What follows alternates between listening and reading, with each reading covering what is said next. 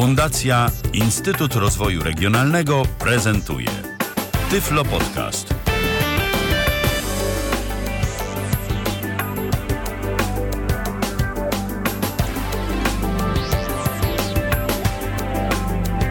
Witam Państwa bardzo serdecznie. Piotr Witek przy mikrofonie. Dzisiejszego wieczoru porozmawiamy sobie o wakacjach organizowanych na własną rękę. Dzisiaj razem ze mną goście.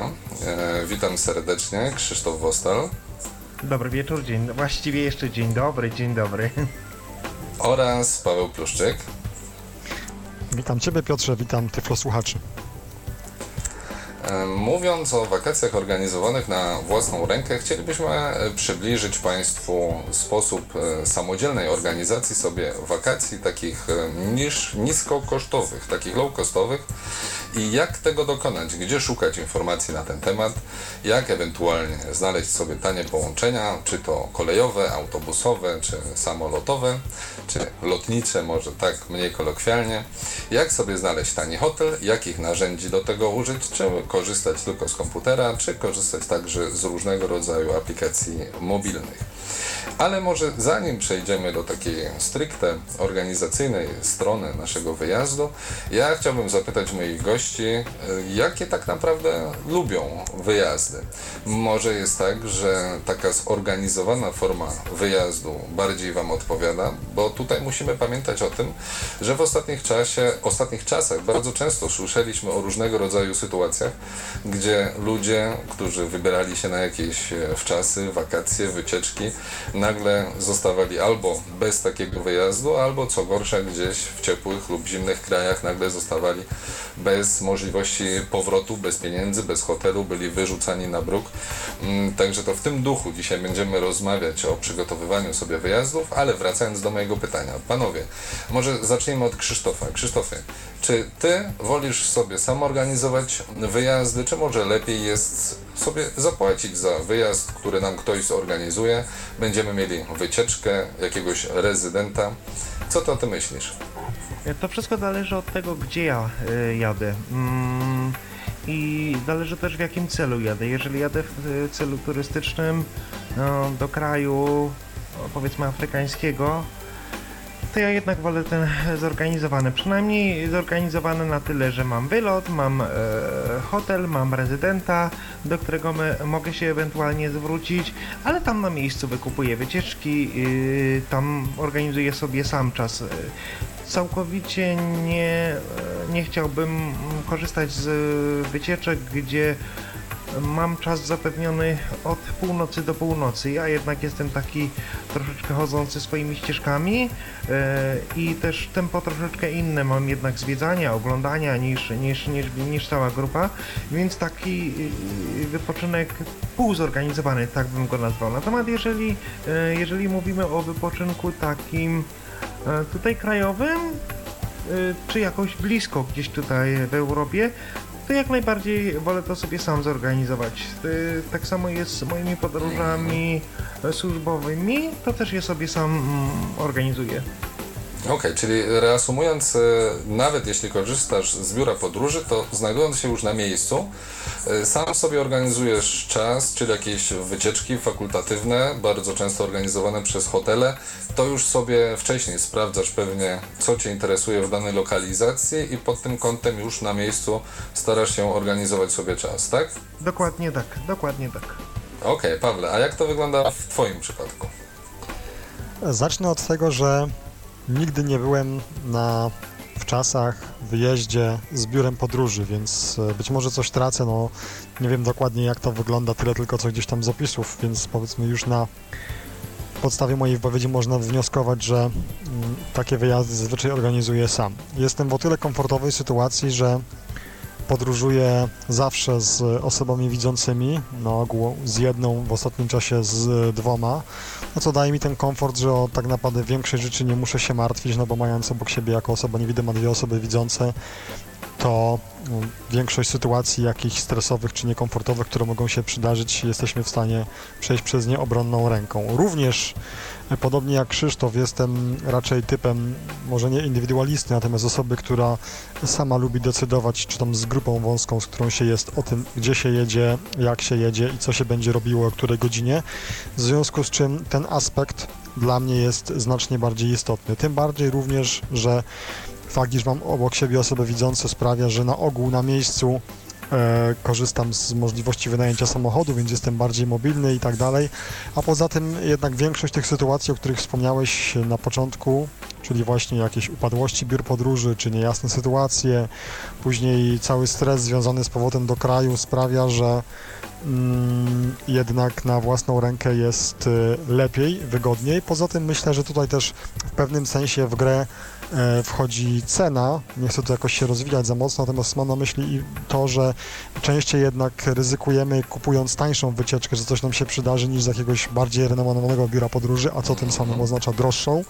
No więc siłą rzeczy to, co teoretycznie zyskujemy wykupując tańszą wycieczkę, możemy jednak stracić, a wyszłoby na to samo, gdybyśmy sobie sami pojechali. Ale oczywiście no może być tak, że rzeczywiście nie mamy szans na przewodnika widzącego obok siebie, czy, czy kogoś jakąś zaufaną, bliską osobę, no to wtedy musimy się na to biuro decydować. Chociaż jak No jest na przykład z podejściem do, do osób e, niewidomych, zreasumowane, jaką podróż e, każdy z nas preferuje, bo ja tutaj przyznam się, że goście moi zostali wybrani nieprzypadkowo, ponieważ ja też jestem zwolennikiem takich wyjazdów e, planowanych przez siebie samodzielnie. I zacznijmy może panowie przybliżać naszym słuchaczom, jak to wygląda od kuchni, jak sobie taką podróż zaplanować. I ja proponuję zacząć od tego, że najpierw e, opowiemy o tym, jak sobie zaplano- zaplanować drogę, ponieważ e, przynajmniej z mojego doświadczenia wynika, że jeśli mm, planujemy jechać szczególnie w jakieś takie miejsce popularne, to lokum, jakąś e, kwaterę, hotel, pensjonat zawsze nam się uda znaleźć. Więc chciałbym zacząć najpierw od tego, że opowiemy naszym słuchaczom, jak wybieramy mm, sposób dotarcia, kupno biletów, jak wygląda, czy osoba niewidoma jest w stanie, nie ruszając się z domu, sobie sprawdzić tanie połączenia, powiedzmy, czy to autobusowe, czy kolejowe. Krzysztof, ponieważ Ty bardzo dużo jeździsz po naszym kraju, masz wiele do czynienia mm, z kolejami. Nie wiem, czy to dobrze, czy źle, czy, czy Ci tego zazdrościć, czy nie, bo kondycja naszej kolei różnie dzisiaj wygląda. Ale powiedz nam, Krzysztof, czy jest szansa, czy są jakieś systemy, strony internetowe, które pozwoliłyby nam tanio kupić bilet, czy wyszukać tanich połączeń kolejowych lub autobusowych, jeśli z takich korzystałeś, jeśli znasz tego. Y, To znaczy, to, że ja y, podróżuję po Polsce koleją wynika przede wszystkim z tego, że ja lubię tą kolej. Y, Dwa, kolej dla mnie jako osoby niewidomej ma to ten plus, że peron zawsze jest w tym samym miejscu i pociąg zawsze jest w stanie na peronie. Nie tak jak autobus, autobus, że może stanąć e, 50 metrów dalej, 100 metrów dalej, ja tego nie zauważę, e, że czasami autobusy mają jakieś tam objazdy e, i ja się zgubię. Pociąg to jest pociąg. E, ja korzystam przede wszystkim e, z wyszukiwarki, która jest na stronie e, rozkłady pkp.com.pl i przede wszystkim z tej wyszukiwarki korzystam.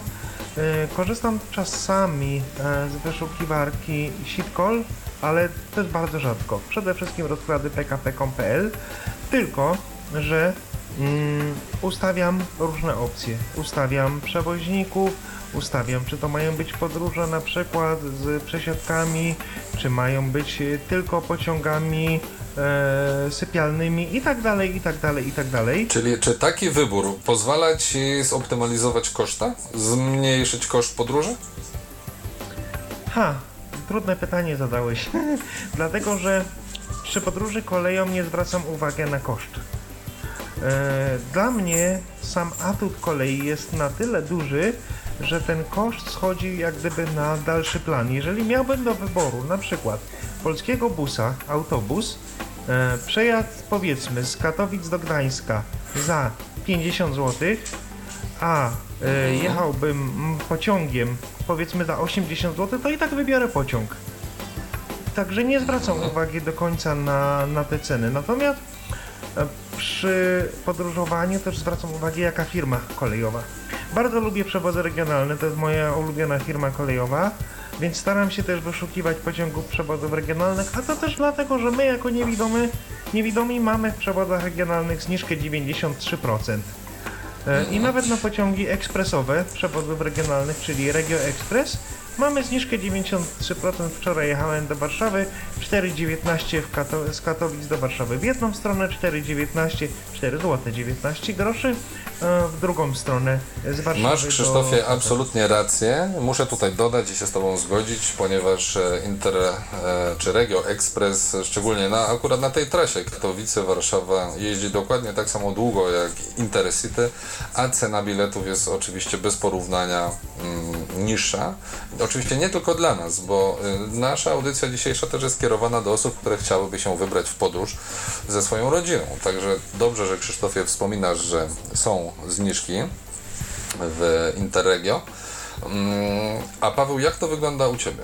Czy Ty też patrzysz, nie wiem, na cenę, czy miałbyś do wyboru jazdę Intercity z Katowic, powiedzmy, do tej Warszawy? Y, Czy z uwagi na ciasteczko połamane albo dwie gumy do rzucia i wodę mineralną lub kawę zdecydowałbyś się zapłacić w naszym przypadku, jeśli mówimy o zniżce, y, kwotę rzędu 50-60 zł więcej za to połączenie, czy nie? Czy by pojechałbyś Interregio czy Regio Express? To znaczy, jednym zdaniem powiem, że z tych samych względów, z których Krzysztof preferuje pociągi, ja również, to znaczy ten aspekt taki logistyczny. Natomiast e, powiem tak, że ja jestem na tyle maniakalny, a z drugiej strony na tyle interesuję się koleją, że staram się również prześledzić sobie to na w miarę swoich możliwości, jakim składem e, jest obsługiwana dana relacja. Więc y, tutaj ten aspekt taki cenowy. Przychylam się również do zdania Krzysztofa, to znaczy są sytuacje, w których mimo wszystko wybieram ten e, droższy wariant. To też bierze się z tego, że mm, w ostatnim czasie nie podróżuję zbyt często, więc e, jeśli jest to przypadek, no może nie to, że jednostkowy, ale powiedzmy niezbyt częsty, no to mogę sobie pozwolić na ten, może nie to, że wyższy komfort, ale w zależności od sytuacji jakąś tam mm, coś, co dla mnie jest in plus. Natomiast rzeczywiście w sytuacji takiej podróży do Warszawy, jakiej wspominacie, też miałem kiedyś przyjemność podróżować Regia Expressem, to również tutaj no, ten standard jest dosyć zbliżony. E, Na jakiś tam pseudopoczęstunek e, nie liczę. Tym bardziej, że nawet w przewozach regionalnych, czego w Intercity nie ma, jest dostęp do internetu. Z tym bywa różnie, ale jest to, jest to usługa, na którą można liczyć, więc dla mnie jest to aspekt bardzo istotny jako maniak e, technologiczny i posiadający Okej, no kilka urządzeń skoro obaj no jesteście miłośnikami kolei, to ja powiem parę słów na temat autobusów w takim razie, ponieważ jak wiadomo, pociąg nie wszędzie może skręcić, więc ostatnio coraz bardziej popularne stają się połączenia autobusowe, już nie tylko PKS, ale także e, inne linie, chociażby chyba najpopularniejszy w ostatnim czasie polski bus. Te linie obsługują coraz więcej tras, Co więcej, należy powiedzieć, że standard tych połączeń e, podniósł się znacznie. Mogę tutaj powiedzieć e, na przykładzie PKS-ów. Mm, To, co było 10-15 lat temu, ma się nijak do tego standardu, jaki jest dzisiaj. Oczywiście możemy trafić różnie, bo nawet sam PKS mm, składa się z wielu pomniejszych firm, które różne autobusy mogą nam podstawić, ale co się może okazać bardzo tanim sposobem podróżowania i takim sposobem, przy pomocy którego dotrzemy w takie miejsca, w które nie moglibyśmy dotrzeć e, koleją, albo koleją możemy dotrzeć gdzieś i potem dalej musimy się przesiadać. Także myślę, że warto jest zapoznać się też z ofertą przewoźników autobusowych, Szczególnie, że takie firmy jak chociażby Polski Bus um, bardzo często robią różnego rodzaju promocje i już nieraz mm, widziałem oferty typu, no chociażby na tej samej trasie Katowice-Warszawa, kurs polskiego busa za złotówkę. Co do standardu, też się wypowiem, jest to podróż bardzo wygodna, skórzane fotele, internet też na pokładzie, aczkolwiek wolny, ale trzeba zwrócić uwagę na jeden fakt. Yy, Mimo wszystko jest tam dość mało miejsca i po drugie, bardzo często polski bus jeździ w cudzysłowie, dookoła. Tak więc e, powiedzmy droga z Katowic do mm, Warszawy, która normalnie pociągiem zajmuje niespełna 3 godziny, mo może polskim busem zająć nawet i godzin 5 lub 6, a do tego często jest tak, że ten polski bus, przynajmniej do Warszawy, nie wjeżdża do samego centrum. Ale panowie, powiedzcie mi, skoro jesteście takimi miłośnikami kolei, jak kupujecie bilety? Czy kupujecie przez internet, czy je drukujecie? Co z nimi robicie? Krzysztof, może powiedz, jak ty to robisz? Ja kupuję bilety najczęściej u, u konduktora, z tego względu, że e, moje podróże te krajowe to często są z dnia na dzień albo z godziny na godzinę nawet. E, więc najczęściej kupuję bi- bilety u konduktora. Niestety, ze względu na to, że e, w spółce Intercity pojawiły się miejscówki w pociągach pośpiesznych, czyli e, TLK, to jest utrudnione znalezienie miejsca. O ile samo miejsce znajdziemy wolne, ale nie wiemy, czy one nie jest zarezerwowane, czy za dwie stacje nie będziemy musieli się z walizką przesiadać. Pół biedy, jeżeli jedziemy tylko z laską i reklamówką i małą jakąś saszetką, ale z dużym bagażem. Więc jeżeli jadę z dużym bagażem, to bilet jednak kupuję w kasie. Ja sobie lubię... To wyjaśnij Krzysztof jeszcze raz naszym słuchaczom, z jakimi liniami kolejowymi mogą mieć problem, bo jak to jest? Miejscówki są wszędzie, czy nie? Miejscówki są e, we wszystkich pociągach e, firmy Intercity i to jest e, przede wszystkim. Jeżeli będą miejscówki w jakichś innych firmach, to będzie to sporadycznie. E, Przewozy regionalne chciały wprowadzić e, w pociągach właśnie e, ekspres, e, Regio Express obowiązek miejscówek, obowiązek rezerwacji, ale nie ma. Natomiast są miejscówki fakultatywne i możemy sobie w pociągach e, Regio Express, możemy, to jest bardzo ważne słowo, zarezerwować miejsce. Natomiast e, możemy sobie wsiąść i po prostu na wolnym miejscu usiąść też. Natomiast e, może ktoś przyjść, no i nas no, po prostu zrzucić z takiego... To Krzysztofie powiedz mi teraz tak, bo drążąc ten temat, e, wytłumaczmy osobom, które same nie podróżują koleją. Opowiedz, jak to wygląda? Przychodzisz na peron, przyjeżdża pociąg i co dalej? Czy ty szukasz konduktora, czy ty po prostu wsiadasz do pociągu i czekasz, aż cię konduktor znajdzie?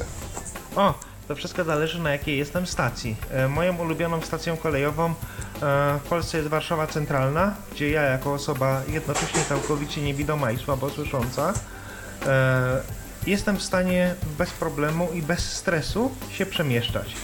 Warszawa Centralna ma nagłośnienie chyba najlepsze ze wszystkich polskich dworców, przynajmniej jak dla mnie.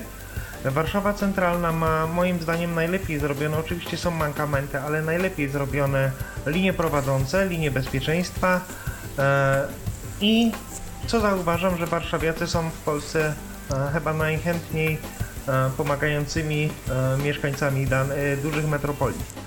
Więc jeżeli przychodzę Stoisz na peronie i przychodzę na dworzec i przede wszystkim najpierw w domu sobie sprawdzam, z którego peronu odjeżdża pociąg. E, z którego peronu i z którego toru. Na I to robisz z tego samego portalu, o którym wspominałeś wcześniej, tak? Rozkłady pkp.com.pl, tak. Nie na wszystkich stacjach to jest pokazane, nie przy wszystkich połączeniach, ale e, Warszawa, Katowice, duże stacje, najczęściej te perony są opisane, więc sprawdzam sobie najpierw w domu e, tor i peron, idę na taki tor i, i peron, szukam miejsca, gdzie będę dobrze słyszał głośnik. Więc e, wchodzę na peron i szukam, e, nasłuchując po prostu zapowiedzi i staję pod takim głośnikiem. Kiedy peron, e, przepraszam, kiedy pociąg ma wjechać, mm, czasami upewniam się u pasażerów, czy to po tej stronie i pociąg wjeżdża. Co jest wadą mm, dla osób niewidomych, że znowu te miejscówki prowadzono w Intercity, natomiast brak zapowiedzi e, kolejności wagonów. Czyli wjedzie pociąg z Katowic do Warszawy, wagon z, e, za lokomotywą wjedzie wagon numer 9, 10, o 11, 12. Nie ma takich zapowiedzi. I tu jest problem. Trzeba albo e, pasażerów się pytać, no albo wsiadać i dopiero w środku. Ja nie lubię w środku się przepychać. No ale czekaj, czekaj Krzysztof, poczekaj, poczekaj, bo nie rozumiem czegoś. Mówisz, że przeszkadza Ci numeracja wagonów, ale nie masz jeszcze biletu. To skąd będziesz wiedział, w którym wagonie siedzisz? No, a- Po co Ci ta nie- informacja? Niekiedy, mam jednak ten bilet. No okej, ale pytam Cię o sytuację, jak wsiadasz do pociągu, czy szukasz konduktora, jak chcesz kupić bilet, czy czekasz na to, aż Cię konduktor znajdzie? Nie, szukam, e, czekam aż mnie konduktor znajdzie, dlatego że ja jako osoba niepełnosprawna ze znacznym stopniem niepełnosprawności ze względu na wzrok, podobnie mają osoby niepełnosprawne fizycznie poruszające się na wózkach inwalidzkich, my nie musimy e, szukać konduktora, my możemy na niego czekać.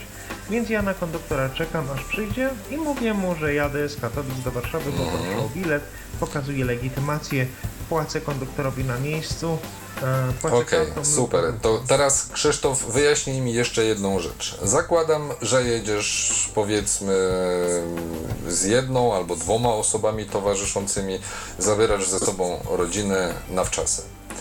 Czy wtedy też będziesz czekał na konduktora i czy wtedy y, oni, czyli ta powiedzmy twoja rodzina, też jest zwolniona z opłat przy kupowaniu biletu, czy nie? E, Jeżeli bym jechał z większą ilością osób, jeżeli to by były w czasy urlop, to przypuszczam, że wcześniej bym e, zarezerwował e, miejsca po to, żeby być razem, bliżej siebie. Chociaż to też nie Okej. zawsze się sprawdza. Okej, i dobrze, Jeżeli to to, są teraz- osoby widzące, pozwól, że dokończę, jeżeli to są osoby widzące, moi przewodnicy, to gdybyśmy kupowali bilet u konduktora, nie jesteśmy zwolnieni z opłat. Płacimy za Mhm. wypisanie biletu. Natomiast Okej. jeżeli byłyby to osoby inne, niewidome, e, to możemy jechać w kilka Mhm. osób, każdy Mhm. kupuje bilet wtedy dla siebie i nie płacimy opłaty dodatkowo. Okej, czyli wróciliśmy do początku, kupowanie biletu. Paweł, powiedz, jak ty kupujesz bilet? Czy ty kupujesz u konduktora, czy kupujesz go wcześniej przez internet? Jeśli chodzi o zakupy u konduktora, to robię to sporadycznie, dlatego że jestem osobą, która po prostu lubi mieć wszystko zaplanowane. Nie znoszę sytuacji, gdzie nagle coś mi wypada, że gdzieś nagle muszę jechać, bądź po prostu nie mam pełnej kontroli nad tym, co się dzieje. Z tego też tytułu staram się planować swoje podróże, a tym samym również mm, kupuję bilet wcześniej, z uwagi na to, iż mogę mm, w pewnym zakresie wybrać miejsce, w którym będę siedział. I teraz tak, e, jeśli chodzi o kupowanie biletów, to mamy dwie możliwości. Kupujemy bilet na stronie przewoźnika, jeśli jedziemy Intercity, to kupujemy bilet na odpowiedniej podstronie i jest tam kilka kroków. y, Strona jest to akurat w pełni dostępne, więc tutaj dla każdego screenera nie ma tutaj to żadnego znaczenia. Wybieramy sobie relacje, wybieramy sobie mm, klasę, wybieramy sobie typ wagonu. Czy chcemy mieć wagon przedziałowy, czy chcemy mieć wagon bezprzedziałowy, czy ewentualnie miejsce sypialne i tak dalej. Następnie wybieramy usytuowanie miejsca. Czy chcemy na przykład po środku, przy drzwiach, bądź przy oknie. Ja zawsze sobie wybieram przy oknie. Większość ludzi chyba tak robi kupując bilety, więc staram się te bilety kupić w miarę wcześniej. I teraz mamy efekt finalny, czyli mm, no, płatność.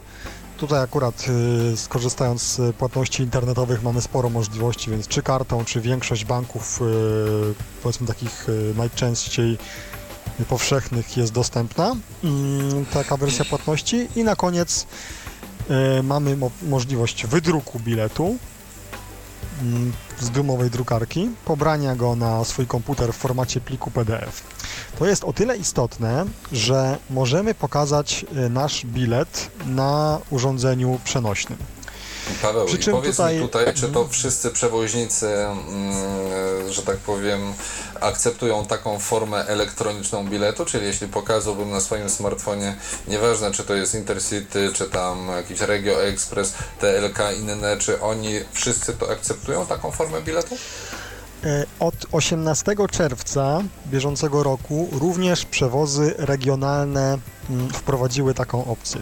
Przy czym tutaj jest kilka aspektów.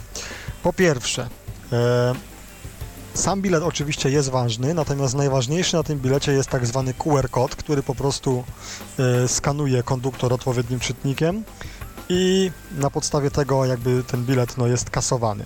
Mówię o tym dlatego, że zdarzyła mi się sytuacja, gdy pierwszy raz y, jechałem pociągiem TLK i pokazywałem bilet, podałem y, konduktorowi telefon z otwartym plikiem PDF, na co konduktor zwrócił mi uwagę, że proszę pana, ja nie będę pańskiego telefonu obsługiwał, proszę mi tutaj y, ten dokładnie QR kod wyświetlić. No więc w pewnym sensie dla nas jest to ograniczenie. Oczywiście no, ten czynnik ludzki zadziałał, tam powiedziałem, no nie jestem w stanie sam tego zrobić, więc wystarczyło tam powiedzmy, mm, jeszcze to była Nokia Symbianowa, więc kilka razy nacisnąć e, przycisk tam nawi- nawigi i, i powiedzmy dotrzeć do tego miejsca, wyświetlić sobie ten QR kod. Natomiast no konduktor nie ma takiego obowiązku, więc może mi de facto tego biletu nie uznać, prawda? No więc z tą pełną taką samodzielnością w aspekcie tego pokazywania biletu Intercity jest różnie. Jeśli oczywiście będziemy mieli większe urządzenie, na przykład e, powiedzmy iPada mini czy ogólnie jakiś inny tablet, no to wtedy pełny ten bilet nam się zmieści na ekranie i wtedy nie będzie kłopotu. Jak Czyli jest co w przewozach... radzisz? Bilet elektroniczny, czy radzisz, żeby jednak sobie wydrukować ten bilecik? Jeśli nie mamy możliwości e, kogoś poprosić z domowników, czy ktoś kogoś na przykład będzie odprowadzał na stację albo coś takiego, o to, żeby nam, że tak powiem, już w telefonie mm, ustawił tak ekran, aby to wszystko było widoczne, to rzeczywiście wydruk. Jeśli natomiast podróżujemy z jakąś osobą słabowidzącą bądź dobrze widzącym przewodnikiem, no to wtedy zdecydowanie mm, jednak bilet elektroniczny, no to się nie mnie. Czasami gdzieś tam może padać, coś tam nam zamoknie, albo na przykład upadnie na, na gdzieś tam w autobusie, czy No coś niby takiego. tak, wiadomo, jak ale jest. kartka nam się nie rozładowuje z drugiej strony, tak? Tak, a Paweł, oczywiście, ale na przykład pytanie- kartka może być pogięta. Zgadza się, ale Ja Paweł, mam tutaj ja- pytanie takie, czekaj, czekaj sekundkę jeszcze, Krzysiu, wy, Pawle, wyjaśnij mi taką rzecz jeszcze. Czy próbowałeś kupować te bilety z urządzenia mobilnego, bo powiedziałeś, że jest opcja zapisania pliku PDF do komputera, ale co w sytuacji, jeśli ja bym chciał dokonać takiego zakupu z urządzenia mobilnego, czy wtedy też będę w stanie zapisać sobie taki bilet w moim smartfonie, czy też nie? Tak, nim e, odpowiem na to pytanie, wrócę jeszcze na chwileczkę do kupowania z komputera stacjonarnego, chociaż to się oczywiście jedno z drugim zazębia. Niestety w wypadku e, spółki Intercity jest bardzo ważna rzecz, o której po prostu trzeba powiedzieć, a mianowicie w sytuacji, gdy podróżujemy na przykład z przewodnikiem bądź z inną osobą po prostu jakąś tam bliską, są na przykład dwie osoby niewidome i chcemy mieć dwa miejsca obok siebie. Tutaj niestety jest poważny problem, gdyż po wybraniu miejsca mamy możliwość później zaznaczenia opcji, że wskaż miejsce obok miejsca już zarezerwowanego. I teraz tak, przy kolejnym e, kupnie biletu musimy podać numer miejsca, e, które my mamy. I wtedy system wskaże nam jakieś miejsce najbliższe. Ale może się okazać, że jest to na przykład przedział obok, albo e, powiedzmy na drugim końcu wagonu, albo coś jeszcze innego. Gwarancja, która powiedzmy, no nie wiem, czy tam prawdopodobieństwo, że będziemy mieli miejsce dokładnie obok tego, które zarezerwowaliśmy, jest stosunkowo niewielkie. Nawet w kasie na dworcu yy, niespecjalnie jest taka możliwość, to znaczy nie zawsze tak się może udać, więc bądźmy yy, czujni. Odpowiadając na Twoje pytanie, mm, jeśli chodzi o zakup biletu poprzez stronę Intercity, tak, jest to bez problemu możliwe. Mm, Wszystko jest dostępne, bez problemu możemy sobie taki plik e, pobrać. e, Oczywiście urządzenie nas później zapyta, jak nam ten plik otworzyć. W wypadku przewozów regionalnych niestety jest trudniej, gdyż mm, największy kłopot jest z wpisaniem daty. Trzeba to po prostu wybrać myszką, nawet e, NVIDIA, który powiedzmy z Java sobie dobrze radzi i tak dalej, e, nie daje tutaj rady, aczkolwiek e, nie zgłębiałem tego aż tak bardzo, ale gdy zaczynałem moją przygodę z urządzeniami opartymi na iOSie, e, to oczywiście zerkałem sobie na te wszystkie strony, jak tam jest dostępnością i mm, raz udało mi się na tym polu, które jest niedostępne na, na Windowsie, tą datę wpisać, aczkolwiek no, jest to troszeczkę żmudne. Być może to wynikało z moich początków. Nie wiem jak jest teraz, gdy już jestem powiedzmy dużo bardziej pewny w tym obsłudze tego systemu. Jest to do sprawdzenia. E, No niemniej jednak e, może być to dla takiej sytuacji, powiedzmy, gdy nagle to musimy zrobić i tak dalej coś nam może nie wyjść. O, może w ten Okej, sposób. okej, bardzo Ci dziękuję. chciałem A wrócić- Krzysztofie, ja- chciałeś dodać ja- coś, Mhm. tak? Chciałem wrócić cię. jeszcze do biletów papierowych Intercity. Jeżeli po raz pierwszy Państwo e, kupujecie i drukujecie bilet papierowy z PDF-a, poproście jakąś osobę widzącą, żeby ten bilet sprawdziła, czy e, widać właśnie ten kod, kod e, biletu. E, przez pół roku miałem taką sytuację, nie wiedząc o tym, że nie drukował mi się ten kod z PDF-a, który dostał wygenerowany e, przecież na stronie Intercity. No, moja drukarka jak gdyby nie miała na to wpływu, a jednak gdzieś ten kod nie był drukowany. Konduktorzy przepuszczali mi te bilety, zawsze kręcili nosy, nosem. Taka sytuacja niefajna była i potem to samo wróciło do normy i teraz z tego PDF-a drukuje się dobrze. E, Ale, ale warto, żeby ktoś coś mm, nam przeczytał jednak ten bilet, czy to jest wszystko wydrukowane dobrze. Bardzo dziękuję za takie cenne uwagi, bo to jest coś, co pewnie musielibyśmy sprawdzić na własnej skórze. Mam nadzieję, że to komuś pomoże. Ale skoro Paweł tutaj wspomniał jeszcze o urządzeniach mobilnych, że tam coraz bardziej się z nimi zaprzyjaźnia, powiedzcie mi panowie, czy korzystacie też z aplikacji mobilnych do sprawdzania połączeń kolejowych, a jeśli tak, to z jakich? Krzysztof, może od Ciebie zaczniemy. No ja korzystam bardzo, bardzo z aplikacji IC Navigator na iOS. Bardzo sobie cenię tą aplikację. Brakuje mi tam paru rzeczy, że nie mogę sprawdzić numeru peronu i toru. To właściwie jest ta rzecz, która mi naj- najbardziej tam przeszkadza, że jej nie ma. E, Natomiast e, Cenię sobie w tej aplikacji to, że mogę sprawdzić, czy mój pociąg, który jadę, e, jest spóźniony, czy pociąg, e, na który chcę się przesiąść, ma jakieś e, w tym momencie opóźnienie. To sobie bardzo cenię. IC Navigator brakuje mi takiej aplikacji dla przewodów regionalnych. Wiem, że dużo osób korzysta z takiej aplikacji jak DB Navigator. To jest aplikacja stworzona przez koleje niemieckie i tam można sprawdzać dla całej Europy połączenia kolejowe. Mhm. Okej, Paweł, a czy ty korzystasz z aplikacji Deutsche Bahnhof? Czy nie? Czy korzystasz z polskiego jej odpowiednika? Powiem tak, tutaj e, być może dla wielu to jest oczywiste, ale ja tu jakby uzupełnię wypowiedź Krzysztofa, to o czym on wspomniał, ta mm, aplikacja obsługuje tylko pociągi e, z, ze spółki Intercity, więc warto o tym pamiętać. Ja powiem tak. Która, Paweł? Jeśli Która chodzi aplikacja? e, Ta, ta, to IC Navigator. E, IC Navigator Okej. tylko obsługuje pociągi Intercity i TLK i tak, znaczy z tej grupy po prostu. Mm, Natomiast ja korzystam mm, sporadycznie, co prawda, bo jednak e, bardziej jeszcze powiedzmy w domu lubię korzystać z komputera. Korzystam z Bilcom, czyli tej aplikacji, która umożliwia nam e, wyszukiwanie pociągów, sprawdzenie odjazdów z stacji pośrednich i tak dalej. Natomiast znacznie częściej, jeśli chodzi o, no bo wszyscy wiemy, że u nas jednak spóźnienia to są spra- jest sprawą podstawową, korzystam z takiej bardzo fajnej strony, która jest w 100% dostępna i dobrze się obsługuje. To jest y, infopassager.intercity.pl i na tej stronie są podawane wszystkie pociągi, które są aktualnie w ruchu. E, Jest y, tam podawane opóźnienie tych pociągów. Mm, Możemy sobie kliknąć na konkretny pociąg i prześledzić cały jego bieg, gdzie się spóźnił, ile i tak dalej. Jest również prognozowane mm, spóźnienie do stacji docelowej, jeśli czy ono się zmniejszy, czy zwiększy i tak dalej. Tak jak powiedziałem, strona jest w pełni dostępna e, z urządzeń mobilnych, nawet na Symbianie nie ma z tym najmniejszego problemu. Przy czym e, chcę powiedzieć, że gdyby, gdyby komuś rzeczywiście bardzo się to spodobało, uczulić w pewnym sensie, że te spóźnienia są wprowadzane przez dyżurnych ruchu na poszczególnych stacjach, więc jeśli kto komuś się czemuś, czegoś zapomni albo czegoś zaniedba, e, no to może z tym być różnie. Mówię o tym dlatego, że należy to traktować stricte mm, informacyjnie, a nie w sposób jakiś taki jednoznaczny. Okej, dzięki wielkie. Widzę, że już wiemy chyba wszystko na temat kupowania biletów. To teraz przejdźmy do kolejnego tematu, ponieważ y, wsiadamy w pociąg w naszym mieście, dojeżdżamy na dworzec i teraz co dalej? Czy są jakieś sposoby zorganizowania sobie asysty? Czy to dotyczy asysta, ta instytucja osobistego asystenta, czy y, może to się jakoś inaczej nazywa, czy ona występuje tylko w konkretnych miastach, w dużych miastach, czy w mniejszych miastach też to możemy znaleźć? Krzysztof, czy ty coś wiesz na temat asysty, na przykład w Warszawie? Od tego zacznijmy. E, Troszkę wiem, ale jeszcze wrócę do kupowania biletów.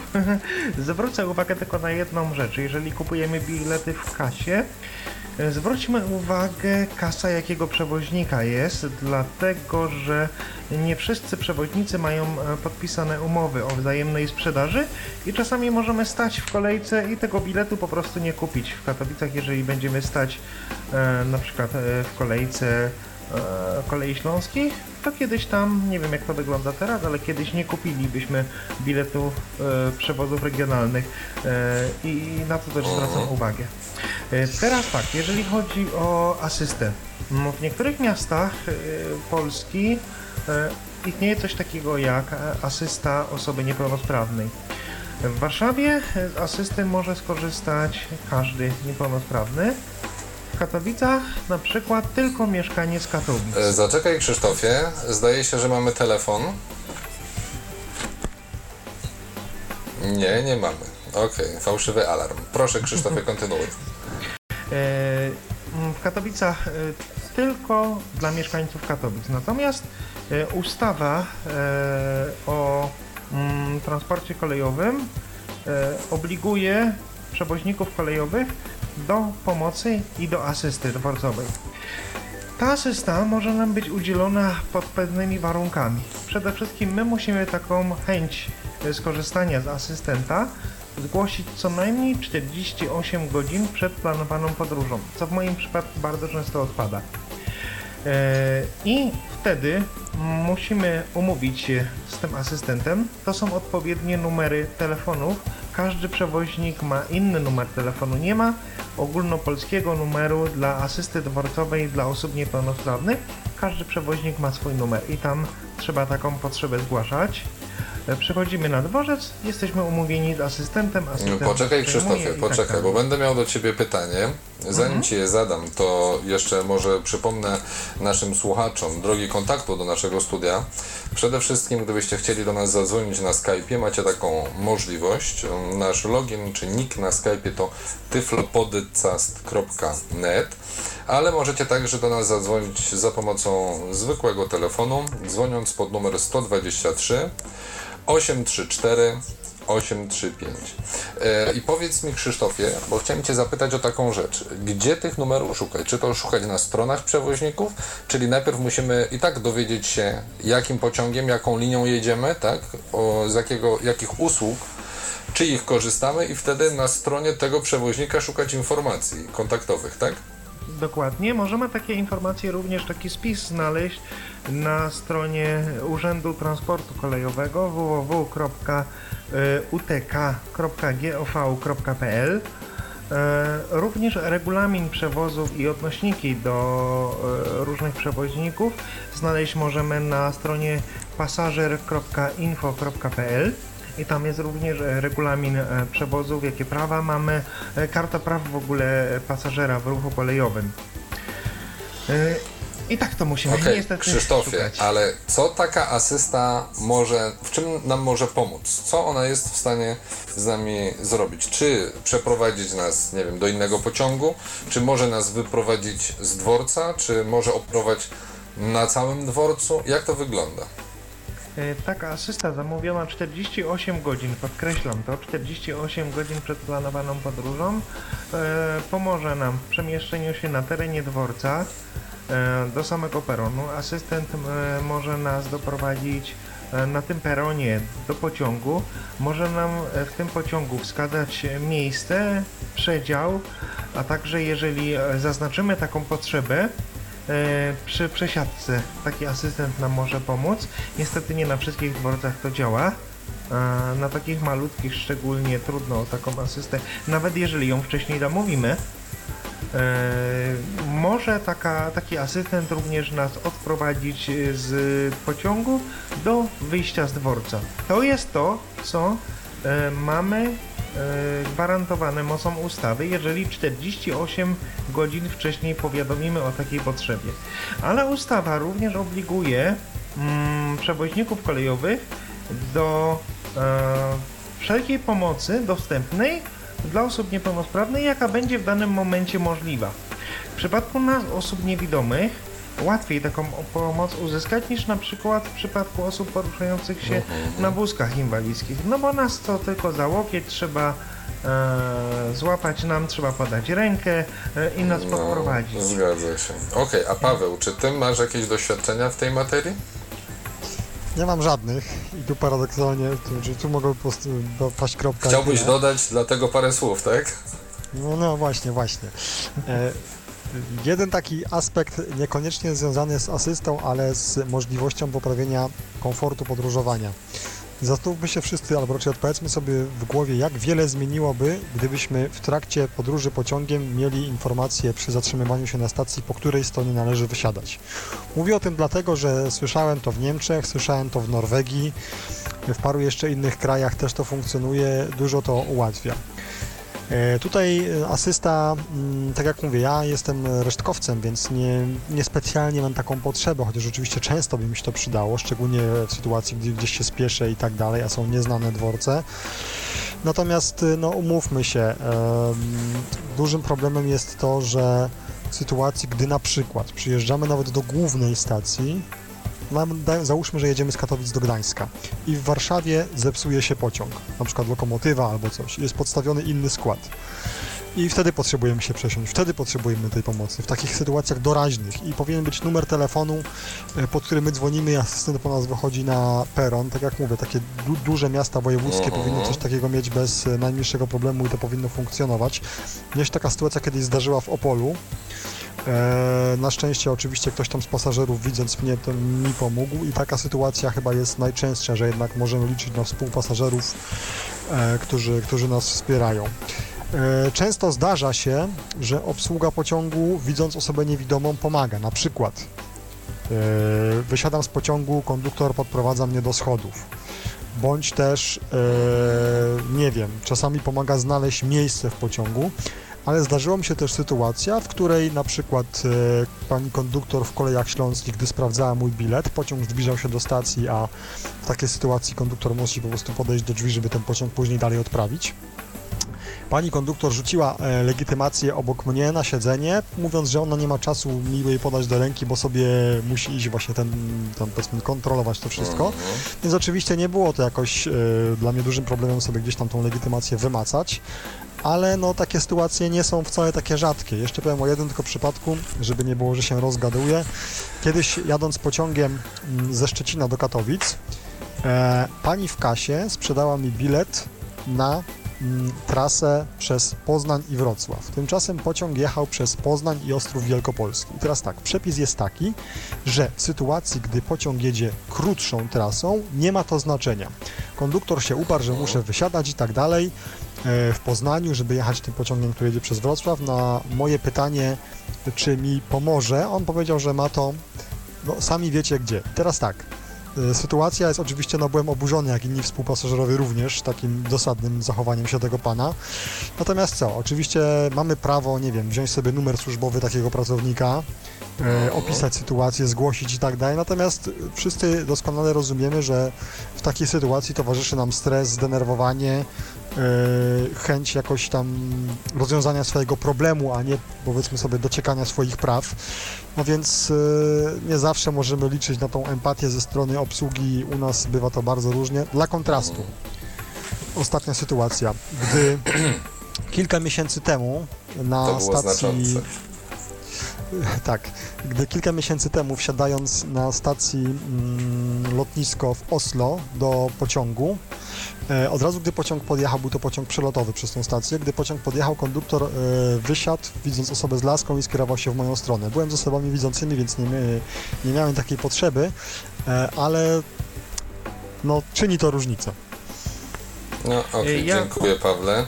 E, Ja Krzysztofie, zaraz będziemy asy- robili krótką przerwę, więc ja Ci udzielę głosu. Przypomnę jeszcze przed przerwą nasze numery telefonu, jeśli już ich nie zapomniałem, czyli 123 834 835. E, Krzysztofie, jak będziesz odpowiadał, to chciałbym, żebyś jeszcze odpowiedział na jedno pytanie przed przerwą.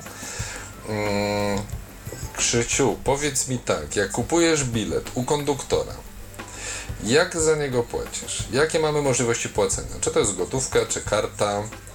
Jak możemy zapłacić konduktorowi w pociągu? Konduktorowi możemy zapłacić gotówką zawsze, kartą w zależności od przewoźnika. W Intercity w tej chwili e, we wszystkich pociągach, czyli ITLK, e, Express Intercity, a także Intercity e, oraz Eurocity, Euronight możemy płacić kartą mm, płatniczą, kartą kredytową. Natomiast w przewodach regiona, regionalnych w Regio Express możemy płacić kartą, chociaż ja już się spotkałem z sytuacją, że terminalu e, pani konduktor nie miała. E, także e, różnie to wygląda z I tymi pojechałeś za płatnościami. Nie, bo to na szczęście w Regio Express jest tak, że tam to wiecie, 4-5 zł, więc jakieś tam wyskubałem e, pieniądze. Mhm. Ja To chciałem powiedz nam do jeszcze na asysty. zakończenie właśnie, co chciałeś dodać? Chciałem wrócić do asysty, bo wspomniałem tutaj o tych 48 godzinach granicznych i o tym, że po tych 48 godzinach e, konduktor ma obowiązek, e, konduktor, w ogóle obsługa mm, danego przewoźnika ma również e, obowiązek, bo to nie jest prawo nasze, przepraszam, to nie jest ich dobra wola, tylko prawo nasze, czyli obowiązek pomóc nam we możliwy sposób w danym momencie. Czyli jeżeli chcemy się przesiadać z pociągu powiedzmy Intercity na TLK, e, tak naprawdę konduktor powinien nam w tym pomóc, e, jeżeli to jest na tym samym peronie. Konduktor powinien po nas przyjść przed stacją, która się zbliża, a my na niej chcemy wysiąść. Różnie to wygląda. Mówię, co powinno być. Mhm. E, Konduktor powinien, jeżeli po nas przychodzi, odprowadzić nas do drzwi i pomóc wyjść na peron. Ale różnie to wygląda. Natomiast mm, są sytuacje też, że jest komunikacja autobusowa zastępcza.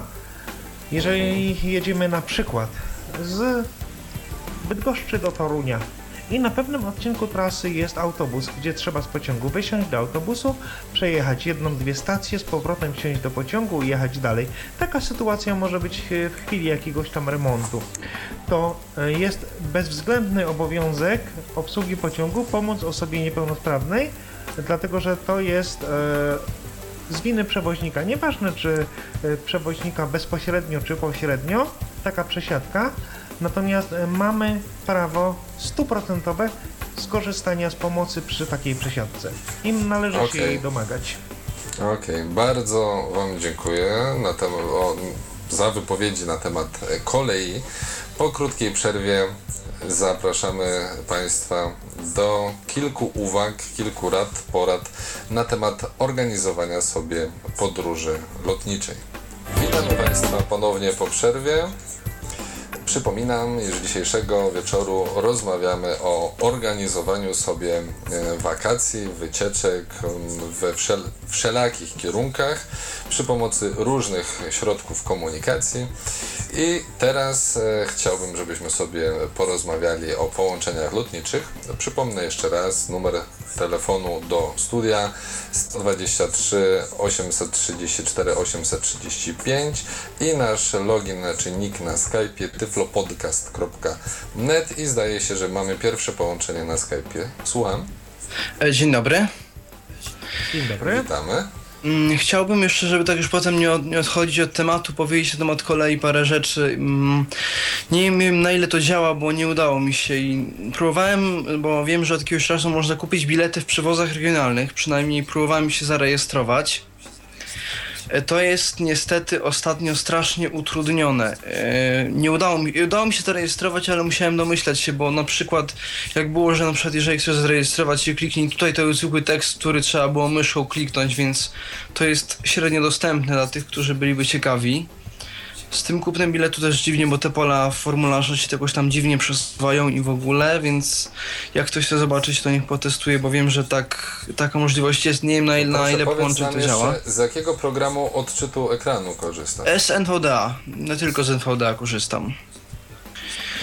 I właśnie powiem jeszcze tak Pa- szybko, że Paweł, czy chcesz jakoś tutaj się odnieść do tego, czy Tak, jest na tak, taki no ja sposób? no nie chciałem takie, w jakieś tam takie technikalia, e, powiedzmy się zagłębiać, natomiast mi sporo z tych pól, szczególnie dotyczących daty naszej podróży, JAWS, E, z którego korzystam, sygnalizuje jako e, pola tylko do odczytu.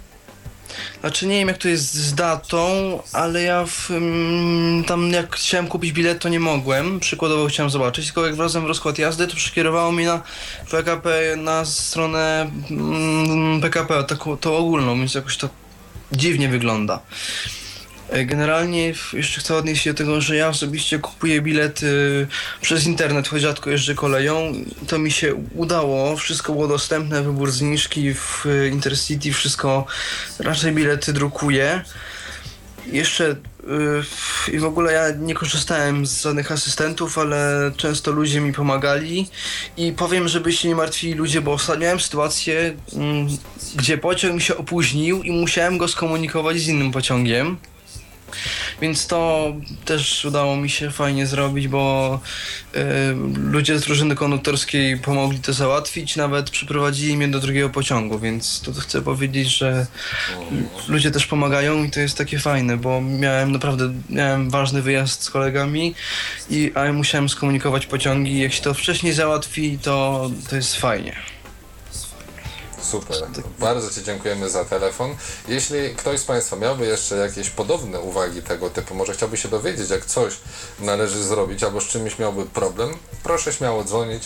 Mam nadzieję, że moi goście chętnie odpowiedzą na Państwa pytania. Jeszcze raz dziękujemy za telefon. I panowie, wróćmy do linii y, lotniczych, do połączeń lotniczych. Zacznę od tego, że jest tych połączeń, tych linii mnóstwo. I Jeśli sami chcemy sobie wybrać lot, od czego powinniśmy zacząć? Pawle, może ty, parę słów na ten temat. No przede wszystkim y, przed wyborem lotu powinniśmy w cudzysłowie oczywiście zerknąć na nasze konta albo do portfela, bo tutaj jednak czynnik cenowy przy podróżach lotniczych jest bardzo istotny. To znaczy, No ale zakładamy, że interesuje nas tanie połączenie, że w portfelu nie mamy za dużo. gdy, w sytuacji, gdy e, chcemy lecieć tanio, no to jest kilka możliwości. Tutaj ten czynnik cenowy mm, jest istotny, ale myślę, że dla wielu również jest istotne to, czy chcemy lecieć bezpośrednio, czy możemy sobie pozwolić na to, żeby lecieć z przesiadkami. Mówię o tym dlatego, że na lotniskach asysta rozwinięta jest bez porównania lepiej niż na naszych polskich dworcach, więc na każdym dworcu lotniczym e, no, w 99% możemy mieć pewność, że ta asysta będzie, dlatego nie powinniśmy się obawiać e, Przepraszam, przesiadek. Pawle, zdaje się, że mamy połączenie kolejne. Z kim mamy przyjemność? Z Mikołajem Rotnickim. Witam wszystkich. Witamy Cię, Mikołaju. E, Co prawda poruszacie teraz temat akurat e, samolotów, a ja jeszcze ciągle mnie ciąży, mm, te pociągi jeszcze ciążą mi w głowie. A co, co, Wiem. co Ci tak ciąży? E, nie, wiem, to, nie wiem, czy to już było tak poruszane w, jakby w sensie takiego powiedzmy porównania, e, że tak powiem, tych systemów rezerwacyjnych, natomiast e, mój ból na przykład na stronach e, rezerwacyjnych em, grupy Intercity polega na tym, kiedy na przykład ja jadę jako osoba właśnie mm, słabowidząca, ze zniżką jadę z przewodnikiem, i mamy do mm, kupienia praktycznie dwa bilety dla osoby niepełnosprawnej. I problem tego systemu niestety jest taki, że nie możemy kupić dwóch biletów za jednym zamachem dla osoby niepełnosprawnej y, z dwoma różnymi zniżkami. E, To jest, właśnie ten, to jest właśnie ten problem, że trzeba po prostu wybrać, że ile osób, y, ile osób ze zniżką jedzie. Jedna, wybrać zniżkę, że osoba niewidoma, kupić ten bilet i potem zrobić to jeszcze raz w przypadku przewodnika. No i mm, bardzo często problem jest taki, że trzeba tutaj, jeżeli chcemy mieć oczywiście możliwość mm, jazdy powiedzmy w tym samym wagonie, w tym samym, na tym samym miejscu, a teraz zasadniczo praktycznie wszystkie pociągi Intercity łącznie z TLK mają już miejsca mm, numerowane na bilecie, czyli już wbudowana, można powiedzieć, nie jest rezerwacja, już jest y, mm, y, włączona, no to trzeba po prostu mm, się posiłkować funkcją mm, zarezerwowy- rezerwowania miejsca na tym samym, e, w tym samym wagonie, w tym samym przedziale. Nie zawsze to wychodzi. Trzeba po pierwsze też pamiętać, e, jak to wyglądało na tym poprzednim bilecie. Może się zdarzyć, że będziemy jechać w tym momencie w dwóch różnych e, przedziałach, albo ewentualnie potem już na miejscu pociągu, ewentualnie dogadywać się ze współpasażerami. I jeszcze taka jedna rzecz a propos, a propos tego kupowania biletów przez internet. Ja nie wiem, czy ktoś, e, tutaj, czy była ta kwestia poruszana ponieważ y, w, od zeszłego roku, od kwietnia w Intercity można bilet pokazywać na urządzeniu mobilnym. Nie trzeba go drukować. Można po prostu... Tak, poruszaliśmy tą kwestię, także tutaj Paweł opowiadał, jak to wygląda u, u jednego, drugiego przewoźnika. Także dzięki Mikołaju za telefon. Wygląda z tego, co mówicie, że jednak planując z wyprzedzeniem podróż, chyba wygodniej i bezpieczniej jest jednak udać się wcześniej do kasy i ten bilet kupić, bo tutaj z tego, co nasi słuchacze mówią, że mogą być problemy z obsługą programów odczytu ekranu. No ale zawsze warto spróbować, bo skoro tutaj Mikołaj twierdzi, że się da, Paweł twierdzi, że się da, to nie sposób im nie wierzyć. Wydawać się może, że ewentualnie będzie trzeba troszkę pochylić się nad tym zagadnieniem i poćwiczyć. Ale Ja jeszcze chciałbym coś życzymy. dodać. Tak, Krzysztofie? E, Sprawa, która mi się przypomniała, która jest bardzo ważna, myślę, że dla nas osób niewidomych. E, Jeszcze a propos kupowania biletów kolejowych na warszawskim dworcu centralnym przed ostatnie kilka miesięcy Intercity testowało e, takie rozwiązanie, że jest jedna kolejka do kilku kas i są numerki wyczytywane na głos, że pasażer może podejść do kasy numer 7, 15, 20 i tak dalej. Niezbyt to jest wygodne dla nas niewidomych, bo nie wiemy, która to jest kasa. Mało tego, to rozwiązanie e, będzie wprowadzane e, według Intercity w ich kasach na wszystkich większych dworcach, dlatego że podobno to rozwiązanie się sprawdziło. E, Także jeżeli mamy możliwość jednak przez internet, to, to, to czasami czemu nie, bo, bo będzie wygodniej. Mhm. Okej, dzięki Krzysztofie. Panowie, wracając do linii lotniczych, bo przerwaliśmy Pawłowi. Paweł, jakbyś mógł, kontynuuj. Tak, tak. Powiedziałem, że nie mamy się co obawiać przesiadek, bo tą asystę mamy gwarantowaną. Myślę, że w dużej mierze skupimy się na dwóch przewoźnikach e, niskokosztowych, które świadczą usługi w naszym kraju, czyli na irlandzkim przewoźniku Ryanair i na węgierskiej linii lotniczej Wizz Air. E, Jest jeszcze kilku przewoźników, powiedzmy jak EasyJet, którzy również e, operują z naszego kraju, niemniej jednak w stosunku do tych dwóch pierwszych wymienionych to jest powiedzmy sytuacja niszowa. Teraz tak, mm, zakup biletu. Tutaj e, kupujemy bilet tylko i wyłącznie Ale poczekaj, poczekaj. internet. Zanim przejdziemy do kupie, kupowania biletów, powiedz mi, jak sprawdzić, czy te bilety będą tanie, czy nie? Czy mamy jakieś wyszukiwarki tanich połączeń, Mhm. tanich lotów? Powiem tak, e, oczywiście możemy to zrobić na stronie przewoźnika, e, co daje nam tą zaletę, że powiedzmy już sprawdzając bilet wiemy, że on jest dostępny i w jakiej cenie, gdyż kupując u pośrednika no często możemy przepłacić, bywa z tym różnie. Natomiast jeśli chcemy się zorientować na przykład odnośnie promocji, czy też po prostu jakichś dobrych cen w danym kierunku, możliwości jest kilka. Stroną, którą ja najbardziej polecam względem informacji o promocji, jak i również forum, które da nam bardzo dużo informacji nie tylko na temat ceny, ale po prostu również jakby warunków lotu, różnego rodzaju możliwości wszelakich związanych z podróżą, e, nie tylko w aspekcie ceny, ale e, czy to udogodnień, czy również jakichś innych kwestii około tego, jest strona flyforfree.pl, czyli fly4fre.pl. Na stronie głównej mamy prezentowane informacje o aktualnych promocjach, przede wszystkim tanich przewoźników, ale nie tylko, również regularnych linii lotniczych.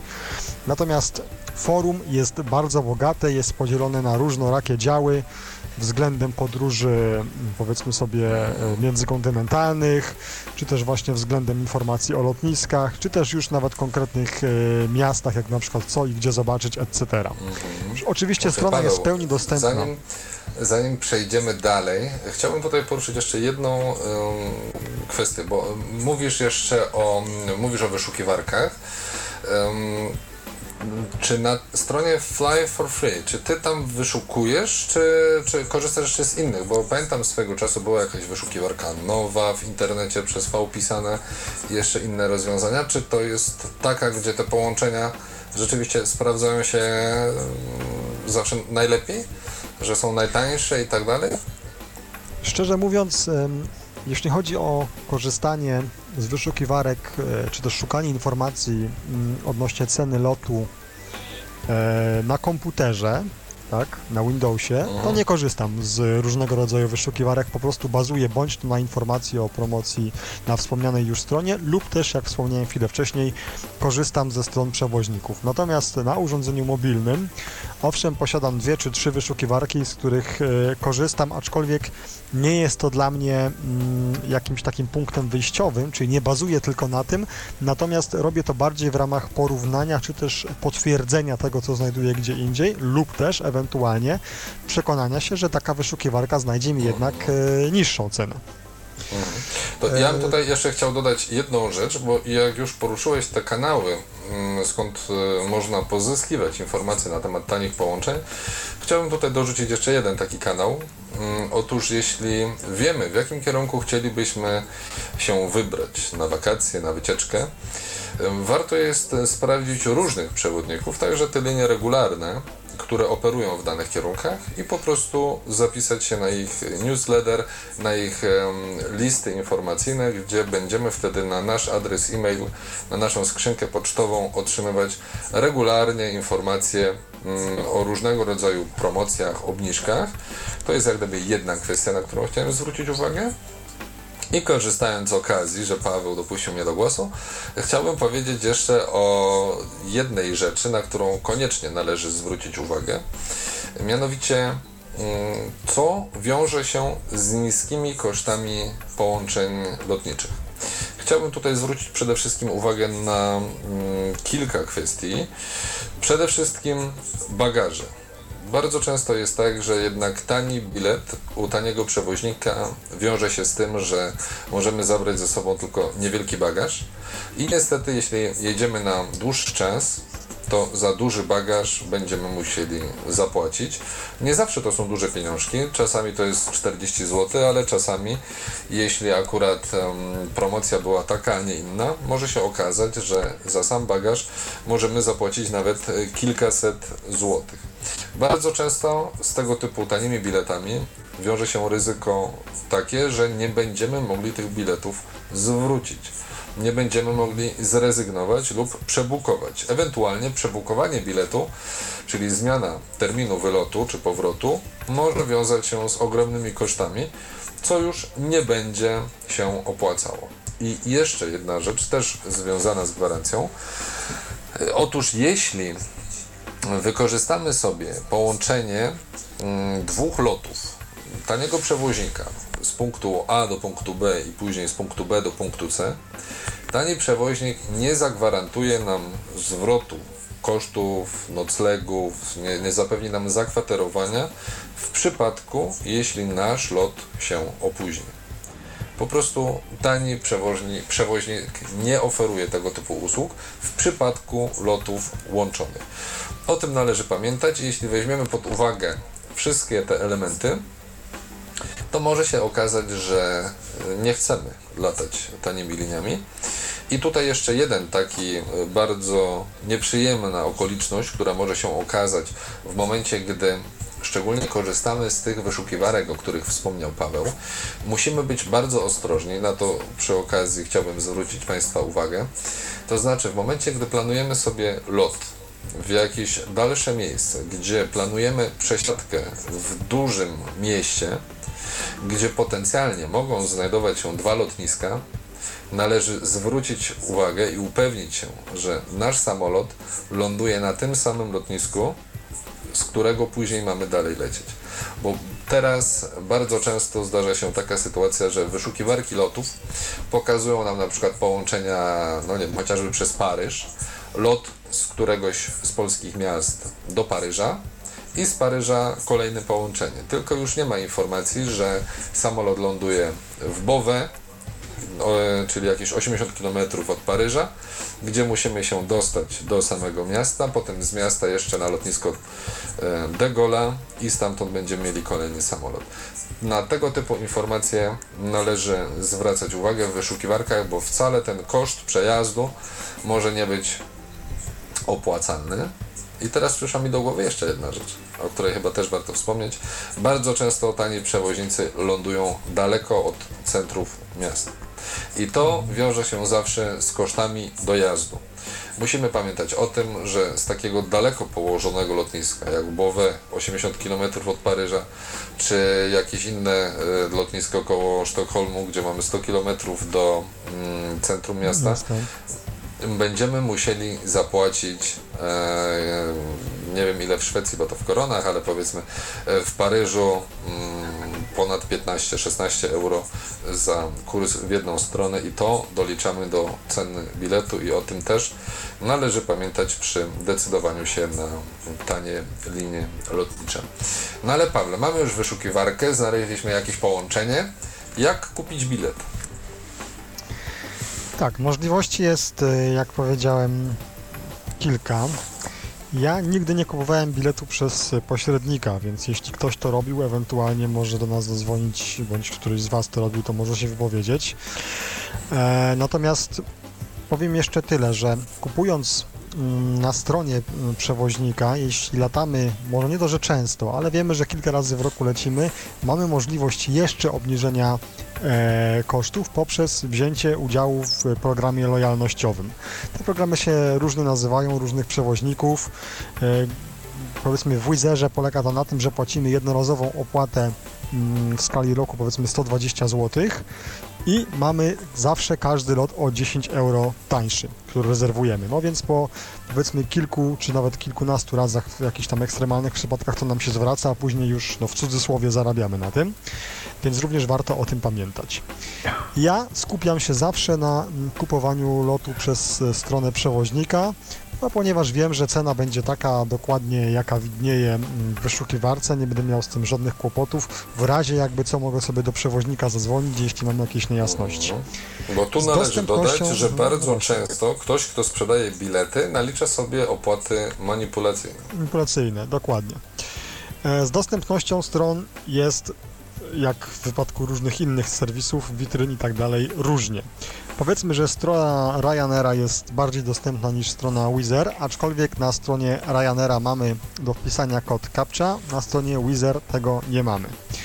Na obu stronach da się ten bilet kupić, natomiast y, często trzeba, że tak powiem, nie może anielskiej cierpliwości, niemniej jednak sporo samozaparcia, aby przez to przejść. Dużo jest JavaScriptu, bądź też innych e, kwestii, które utrudniają nam zakup, w sensie takim, że wymagają od nas, no, że tak powiem, dużo chodzenia po tej stronie, czasami użycia myszki, coś tam czasami bardzo wolno chodzi, bo się lista kombo wolno przesuwa i tak dalej. I teraz tak, kupujemy bilet i w trakcie kupowania biletu trzeba zwrócić uwagę na jedną bardzo ważną rzecz, a mianowicie asysta. Fakt, iż my e, korzystamy z asysty lotniskowej, a nie od przewoźnika stricte, niczego tutaj nie zmienia.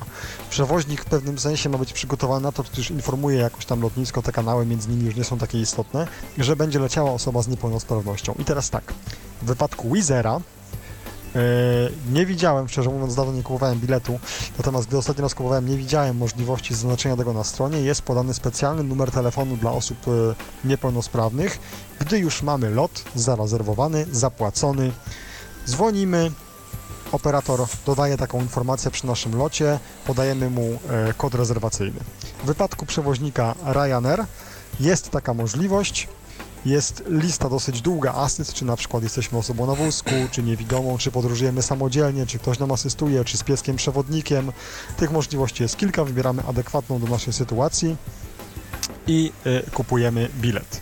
Tutaj jest jeszcze jedna bardzo ważna kwestia. Niestety em, przewoźnicy doliczają sobie w pewnym sensie opłatę manipulacyjną w zależności od środka płatniczego, jaki wybierzemy. Jeżeli płacimy przelewem do kwoty biletu Znaczy, zaczekaj chwilkę, Paweł. Chciałbym jeszcze Mhm. na chwilkę się zatrzymać przy tej mm, asyście. Y, Sam wiem, że rzeczywiście od, to od przewoźnika zależy, czy formularz kupowania biletu posiada opcję zaznaczenia asysty, czy nie. Mm, Ale tutaj sugeruję, żeby zanim zaczniemy kupować bilet u operatora, czy, czy przez stronę danego operatora lotniczego, warto do niego zadzwonić i się zapytać, czy w tym formularzu na stronie na pewno nie ma tej opcji, jeśli jej nie widzimy, bo nie możemy mieć pewności, czy jej tam nie ma, czy ona po prostu jest niedostępna dla nas, dla naszych technologii mm, asystujących, wspierających, więc zawsze warto o to zapytać. Dlaczego? Bo to nie jest kwestia tylko jakaś grzecznościowa czy jakichś drobnych nieprzyjemności. Niedawno nasza koleżanka miała sytuację taką, iż nie zaznaczyła tej opcji na bilecie Ryanaira i po prostu przewoźnik nie wpuścił jej na pokład samolotu. Tak więc e, można się liczyć z tego typu konsekwencjami i w naszym własnym, dobrze pojętym interesie jest upewnić się, że jeśli taka opcja jest na stronie, to należy ją zaznaczyć, a jeśli nie, to wtedy możemy y, zgłosić to telefonicznie. Pawle, zanim przejdziemy do kupowania, płacenia, powiedz mi, czy próbowałeś kiedyś kupować bilet przez aplikację mobilną? E, jakoś w ostatnim czasie mm, jakby los w pewnym sensie chciał nam wyjść naprzeciw. Pojawiły się na smartfony, akurat ja powiedzmy korzystam z iPhone'a, nie wiem jak jest w wypadku Androida, ale zarówno Wizer, jak i Ryanair mm, udostępniły aplikacje mobilne. Aplikacje te są raczej dostępne. Mówię dlatego raczej, że jak to w wielu takich aplikacjach jest sytuacja, że mamy jakiś nieopisany przycisk, czy jakaś tam kontrolka nie jest powiedzmy w taki sposób odczytywana, jak mm, być powinna, aczkolwiek można A czy w Ryanerze można dostępne. zaznaczyć asystę? No właśnie, tego nie wiem. E, szczerze powiedziawszy, jakoś tego nie sprawdziłem. Wydaje mi się, że ta aplikacja Wizerowa jest bardziej mm, przyjazna, aczkolwiek oczywiście e, w ramach komentarzy pod e, audycją, gdy już zostanie opublikowana na stronie, postaram się to sprawdzić, czy też postaramy się to sprawdzić i taką informację mm, umieścimy. Aczkolwiek ja widziałem na przykład dodać- Wizerze. Mhm. O jeszcze informacje na temat jednej aplikacji. Aplikacji przygotowanej przez naszego narodowego, zobaczymy jak długo jeszcze, ale przewoźnika lotniczego. E, aplikacja ELOT. I tam oprócz możliwości wyszukiwania najróżniejszych połączeń lotniczych, bo te aplikacje, zdaje się, o których Paweł wspomniał, umożliwiają wyszukiwanie połączeń tylko w ramach y, y, połączeń samego tego przewoźnika. Aplikacja ELOT umożliwia wyszukiwanie połączeń y, na najróżniejszych liniach. Po prostu wskazujemy dwa punkty mm, początkowy, końcowy, oznaczamy od kiedy do kiedy nas interesuje pobyt w danym miejscu, ile osób się wybiera i zaznaczamy wtedy wyszukiwanie. I ta aplikacja ELOT umożliwia nam także zapoznawanie się z różnego rodzaju promocjami na połączenia lotnicze, a do tego jest tam jeden przycisk, który umożliwia nam zakup zakup tego biletu i co istotne, nie wygląda to w ten sposób, że dokonujemy różnych opcji manipulacji na ekranie, tylko jesteśmy łączeni telefonicznie z biurem obsługi e, LOT, gdzie po prostu konsultant e, bukuje nam ten bilet, biorąc od nas dane mm, karty mm, kredytowej, żeby mógł pobrać sobie środki w ramach opłaty. E, ok, Pawle, czy chcesz tutaj coś dodać, czy przechodzimy do płatności? Y, To znaczy ja jeszcze tylko a propos tych aplikacji powiem, że również dostępnymi aplikacjami jest aplikacja, dzisiaj właśnie sprawdzałem na potrzeby audycji, przed, przed audycją Skyscanner Net. E, również aplikacja na systemy iOS, na system iOS, jak i również aplikacja Blue Sky. E, przy czym te aplikacje są, e, nie powiem, że mniej dostępne, bo w sensie czy- odczytu kontrolek i tak dalej jest to wszystko tak samo dostępne jak w wypadku tej aplikacji, o której powiedział Piotr, czyli Elot, tylko po prostu są one bardziej złożone. Dużo mocniej trzeba się naklikać, natapać w cudzysłowie, tudzież tym paluchem naprzesuwać, aby zrobić to, co trzeba, ale jest to możliwe, jest to dostępne. E, Również jest możliwość zadzwonienia, aczkolwiek z tego, co kojarzę, w Skyscanner jest również możliwość kupienia aplikacji jakby online, bo jest możliwość wpisania swoich e, danych w odpowiednim, na odpowiedniej karcie. Ok, no to teraz płacimy. Tak, płacimy mm, za nasz bilecik. W wypadku, tak jak już powiedziałem wcześniej, płatności czy to kartą, czy przelewem, aczkolwiek z tego co się orientuje Ryanair niemożliwia, mm, uniemożliwia e, nam płacenie e, przelewem, tylko Wizard daje taką opcję, natomiast jest doliczana ta opłata w zależności od karty, jest ona różnej wysokości. No nie będę tutaj tego z tym mówił, bo nie wiem jak to wygląda. Natomiast e, Tak się To to jest tak zwany haracz pobierany przez operatorów. No, no więc właśnie, tych, tych, e, tych haraczy jest nieco więcej, w sensie takim, że są to jakieś również tam opłaty e, związane na przykład, że z jednego kraju, gdy rezerwujemy jest taniej, z innego jest drożej i tak dalej, i tak dalej. No i e, musimy to uwzględnić. Jeszcze a propos bagażu, dosłownie jedno zdanie. Sprawdzajmy sobie te kwestie związane z bagażem podręcznym i bagażem tak zwanym rejestrowanym, dlatego że to się co kilka miesięcy zmienia, stawki są różne, różnie to Ach, wygląda, niestety, dlatego nie zmienia to się też uwagę. tylko y, nie zmienia się tylko stawki, ale to co mnie najbardziej złości, to zmieniają się wymiary, gabaryty tych toreb. Tak więc ja, żona się ze mnie śmieje, że mam już chyba 7 toreb y, i one tak stoją od najmniejszej do największej. Po prostu regularnie wymiary są zmniejszane. Niedawno miałem taką sytuację, gdzie może nie powinienem tego mówić, ale uciekł mi samolot i z, z jednego lotniska dostałem się na inne lotnisko i nagle się okazało, że torba, która pasowała bez problemu jako bagaż tak zwany pokładowy, już nie była akceptowana u, u tego przewoźnika, z którym chciałem się zabrać. No i był problem i musiałem dopłacić do biletu, pomimo tego, że przygotowałem się na odpowiednio małe gabaryty. Niestety torba okazała się zbyt duża i musiałem zapłacić ekstra. A, czyli Paweł, gdzie tego szukać? Na stronie przewoźnika? Tak, tak, zdecydowanie na stronie przewoźnika, chociaż te informacje e, są na tyle istotne, że również właśnie ta wspomniana strona Fly for Free również te informacje pu- publikuje zawsze na stronie głównej. No oczywiście to tam czasowo jest, tylko sobie wisi i w miarę pojawienia się innych informacji to sobie spada na dół, aż w końcu, y, że tak powiem, znika. Natomiast rzeczywiście warto o tym e, wiedzieć. A propos jeszcze tych newsletterów, no to również często w tych newsletterach e, jesteśmy o tym informowani.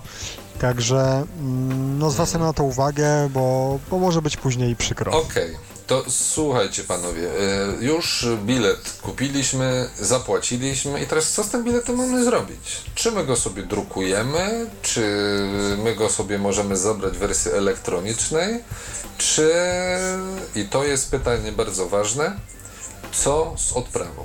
Czy odprawę robimy na lotnisku, czy robimy ją przez internet, żeby zminimalizować koszta, ponieważ tani przewoźnicy, o czym nie wspomniałem w momencie, gdy wyliczałem wadę tanich połączeń, liczą sobie ekstra op- opłaty za odprawy na lotnisku.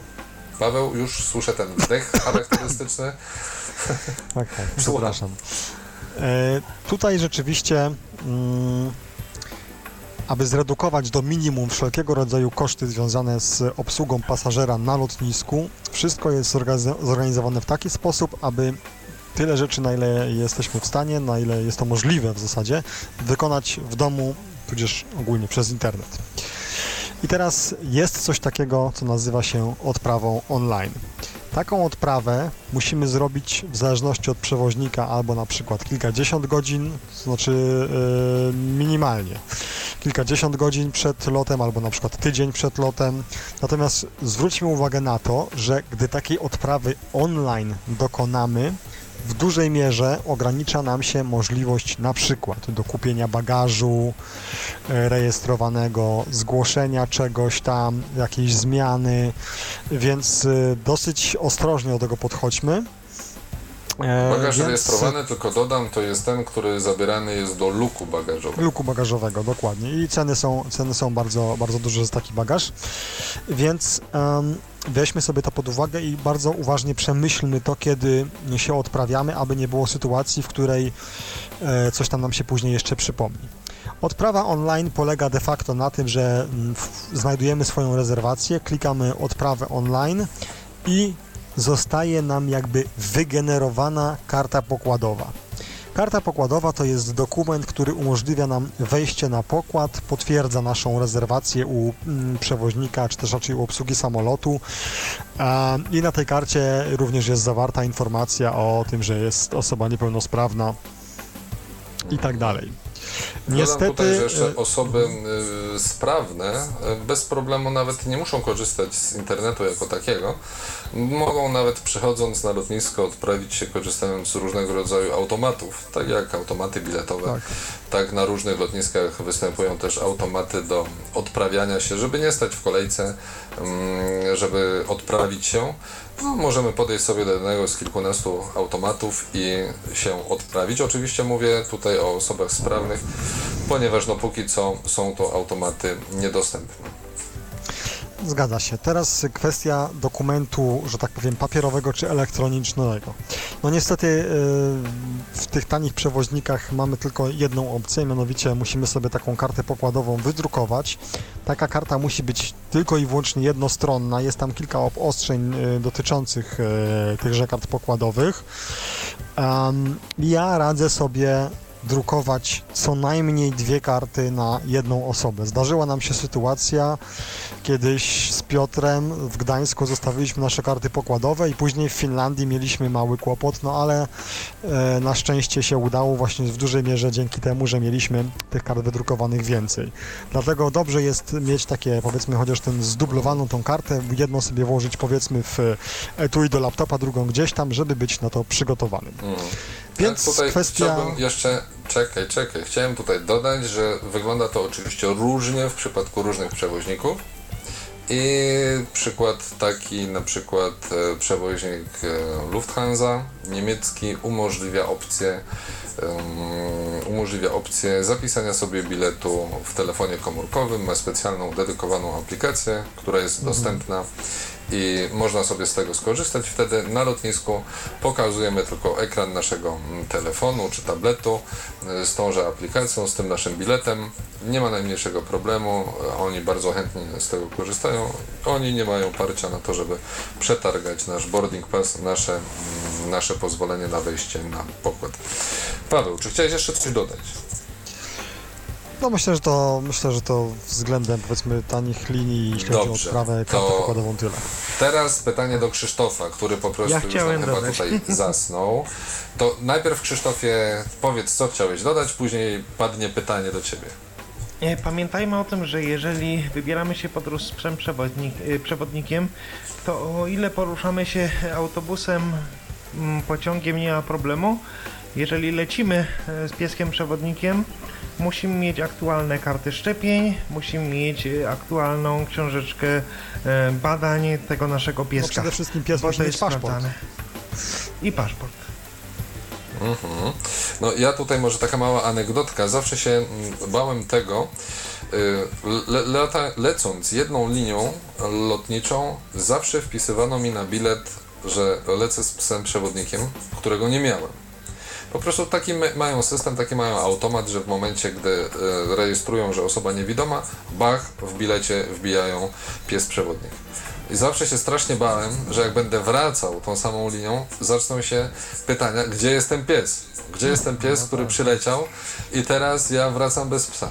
Także to jest takie coś, co do dziś budzi mój niepokój. Mam nadzieję, że już w przyszłości tego nie będzie. Ale skoro y, tak ładnie przeszliśmy do piesków, to od piesków chciałbym teraz przejść do asysty. Krzysztof, czy tutaj, mając takie doświadczenie z dworcami kolejowymi i liniami kolejowymi, czy też masz takie doświadczenie? Możesz nam coś powiedzieć na temat asyst na lotniskach?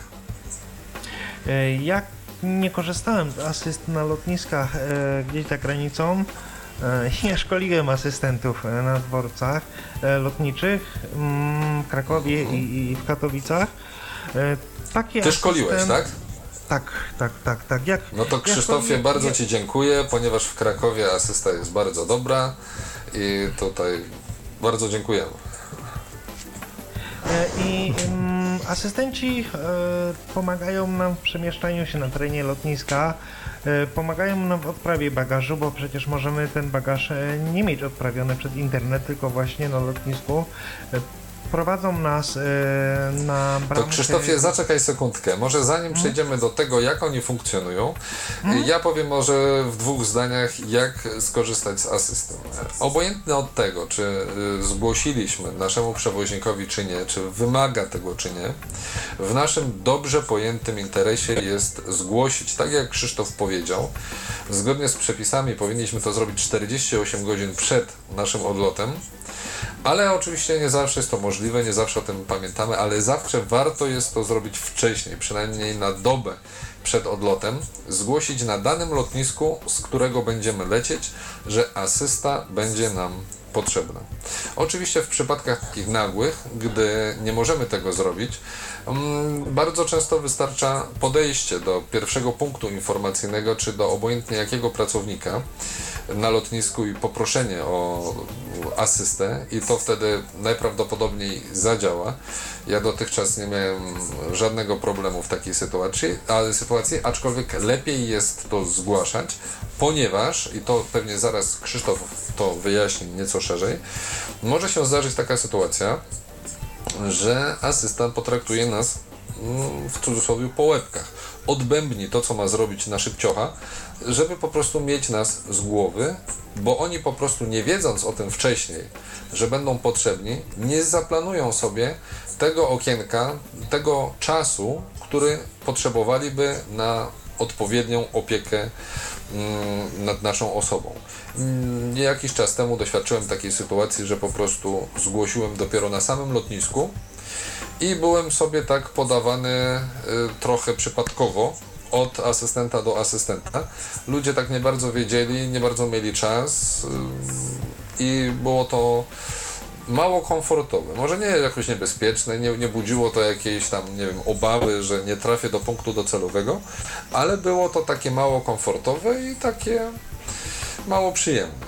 Także zachęcam do zgłaszania minimum te 48 godzin dla naszego e, spokoju ducha na lotnisku, z którego będziemy startować. I wystarczy, że zgłosimy to raz, później e, na lotnisku zgłosimy się po to, aby asysta do nas podeszła i później jesteśmy już prowadzeni za rączkę, ale o tym to już Krzysztof, proszę opowiedz, jak to ma wyglądać. Y, Jesteśmy prowadzeni, tak jak wspomniałeś, y, za rączkę, e, czyli odprawa, czyli mm, strefa bezpieczeństwa. To jest taka strefa, gdzie my jesteśmy sprawdzani, czy na pokład wnosimy niedozwolone jakieś przedmioty. To są różne przedmioty i to w regulaminach e, przewoźników jest określone, czego nam nie wolno wnosić na pokład, więc przez taką strefę e, bezpieczeństwa jesteśmy e, przy pomocy asystenta e, przeprowadzeni. E, Jesteśmy później wprowadzeni do samego sa- samolotu. I co mnie się podoba e, w tanich liniach Wizz Air, ja mam wielkie nogi i w Wizerze osoby niepełnosprawne zawsze siedzą na pierwszych siedzeniach i zawsze są pierwsze wprowadzane na pokład. E, W Wizerze jest tak, że jeżeli chcemy siedzieć na tych pierwszych miejscach, musimy większą opłatę wnieść, dlatego że tam jest więcej miejsca po prostu na nogi. Osoby niepełnosprawne tam siedzą a, i, i bez dodatkowej opłaty my tam siedzimy. To jest też zaleta właśnie tej asysty. E, Asystent pomoże nam również, jeżeli przesiadamy się e, na lotnisku następnym, e, w przemieszczeniu się z jednego samolotu na drugi. I asystent również pomoże nam w wydostaniu się po prostu z lotniska. Przynajmniej powinien nam pomógł, pomóc, a, a wygląda to różnie. E, na niektórych lotniskach e, są tak zwane przyciski SOS. Kiedy nie mamy e, asystenta, możemy skorzystać z przycisku SOS. W Pyrzowicach są Jeśli linie wiemy, gdzie się znajduje. Proszę? Jeśli wiemy, gdzie się znajduje. No właśnie chciałem o tym powiedzieć. W Katowicach, w Pyrzowicach są linie doprowadzające do przycisku SOS e, i mm, przyciskamy taki przycisk, który jest opisany braillem również. E, jest głośniczek, jest mikrofon e, i jest tam kamera, mm, gdzie możemy zgłosić potrzebę pomocy, po prostu zgubiliśmy się i tak dalej, i tak dalej. I mm, ktoś nam może pomóc. To, o czym też wspomniałeś, e, asystentach, którzy Ale czekaj, czekaj Krzysztofie, czy tego typu informacja dla podróżujących, na przykład na Śląsk, jak mówisz w przypadku Katowic, czy z Polski, czy z zagranicy, czy tak- tego typu informacje można znaleźć na stronie internetowej? Tak, e, większość e, przewoźników ma strony internetowe, podstrony dotyczące niepełnosprawnych. Zresztą e, na terenie Unii Europejskiej e, ich obliguje do tego rozporządzenie Parlamentu e, Tak, Europejskiego. ale na przykład na stronie fińskiego przewoźnika to jest jedyna podstrona, która nie działa. Aha. I mówimy o tym, co powinno być, a, a praktyka, no, no niestety nie tylko Zgadza w się, Polsce, zgadza. w świecie też jest różna. różna. Okej, Paweł, a czy ty masz jakieś doświadczenia z asystą? Znaczy, ja jeszcze chciałem jakby tutaj doprecyzować te wiadomości też. Warto sobie czasami zajrzeć na stronę lotniska, nie przewoźnika, tylko właśnie lotniska i na każdym takiej stronie jest zakładka dla niepełnosprawnych, czy tam dla osób o ograniczonej mobilności. Tam jest naprawdę cały Mm. szereg, masa informacji, włącznie z numerami telefonu, właśnie po to, aby sobie tą asystę na lotnisku Ja załatwić. właśnie źle powiedziałem, bo ja właśnie miałem na myśli e, stronę lotniska Wanta, a nie przewoźnika, także Mhm. Tak, to tak. zwracam honor przewoźnikowi.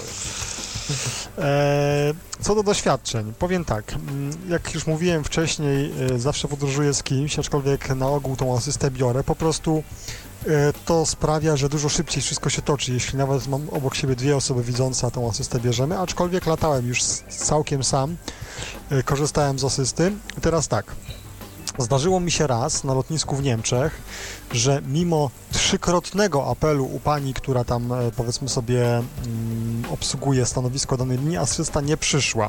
Byłem ze sobą widzącą, więc nie miałem problemu, ale naprawdę no, było to wręcz żenujące, ale być może to było w tym trochę mojej winy, dlatego że, znaczy przede wszystkim, niemniej jednak taka sytuacja nie powinna mieć miejsca, bo oczywiście w locie miałem to zaznaczone, że asysta, asysta ma być. Natomiast wysiadając z samolotu powiedziałem obsłudze, że asysta nie jest im potrzebna, co nie zmienia faktu jednak, że pewien niesmak pozostał. Natomiast Mhm. E, zawsze jest tak, że mm, asysta jest. E, jeśli jest uprzedzona, to możemy spokojnie liczyć, że na przykład zrobi z nami drobne zakupy przed wejściem do samolotu, jeśli chcemy sobie na przykład kupić jakąś pamiątkę. Bardzo pozytywnie wspominam asystę z Hiszpanii. Leciałem przez trzy lotniska hiszpańskie i zawsze było e, bardzo dobrze, rewelacyjnie, mimo kłopotów językowych z angielszczyzną i tak dalej. U nas w kraju leciałem z, również z kilku lotnisk, i z Gdańska, i z Poznania, i z Katowic, z Wrocławia i tak dalej. Zawsze z tymi asystami było bardzo, bardzo pozytywnie, więc nie musimy się tego obawiać. Myślę, że tylko jakieś losowe przypadki mogą sprawić, że z tą asystą będzie kłopot. Oczywiście, jeśli wcześniej dotrzymamy wszelkich warunków Mhm. związanych z tym, aby ta asysta była, więc tutaj myślę, że obawy można zredukować e, no niemal do zera. Okej, bardzo Wam dziękuję za Wasze wypowiedzi. Myślę, że mm, tutaj też trzeba troszkę ostrożnie, bo jednak pamiętajmy o tym, że to są osoby, które mają nam pomagać i miejmy też jakieś e, zahamowania, nie zmuszajmy No, tej asysty, tak. żeby biegała z nami po lotnisku w tej i we w te, tylko ewentualnie zaplanujmy sobie e, odwiedzenie, nie wiem, czy to sklepu wolnocłowego po jakąś jedną, dwie rzeczy i z powrotem pod brameczkę, żeby też ta osoba w tym czasie, kiedy my będziemy oczekiwać na nasze połączenie, mogła zająć się czymś innym. Także Ja chcę panowie... też zwrócić uwagę przy asysty, nie, bo często osoby niewidome czują się dotknięte, obrażone. Zdarza się tak, że e, asystenci wożą nas meleksami, e, wożą nas na jakimś wózku inwalidzkim. Często im jest wygodniej w tym ruchu olbrzymim lotniska po prostu w ten, w ten sposób nam pomóc. Nie powinno nas to upokarzać. Czasami możemy się tak czuć, ale, ale nie powinniśmy czuć się Ja upokarzać. się wcale nie czuję upokorzony, gdy specjalnie dla mnie podstawiają cały autobus z windą, osobnym wejściem, wprowadzają mnie jak VIP-a do samolotu. W deszczu ludzie muszą w przypadku tanich linii lotniczych biegać pół kilometra do portalu, po, nie podsyłają specjalny samochód. Ja jestem bardzo zadowolony i wszystkim polecam korzystanie z asyst.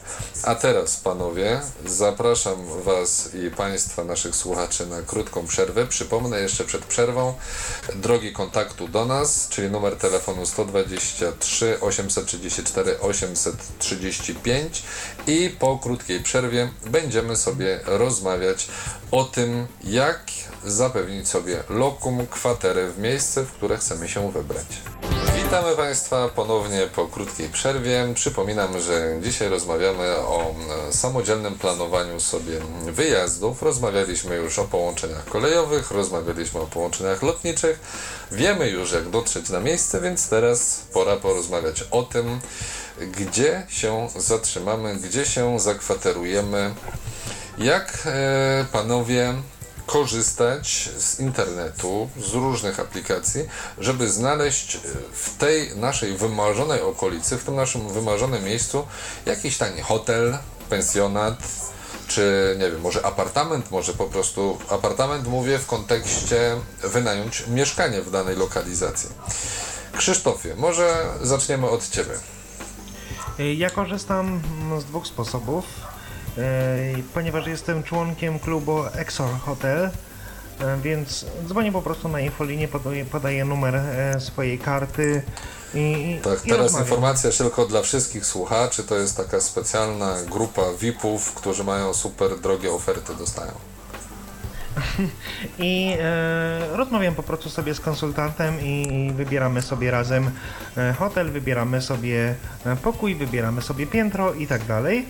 E, albo korzystam z takiej strony internetowej www.booking.com, booking.com e, i tam od wielu lat e, już korzystam mm, z rezerwacji za pomocą tej strony internetowej.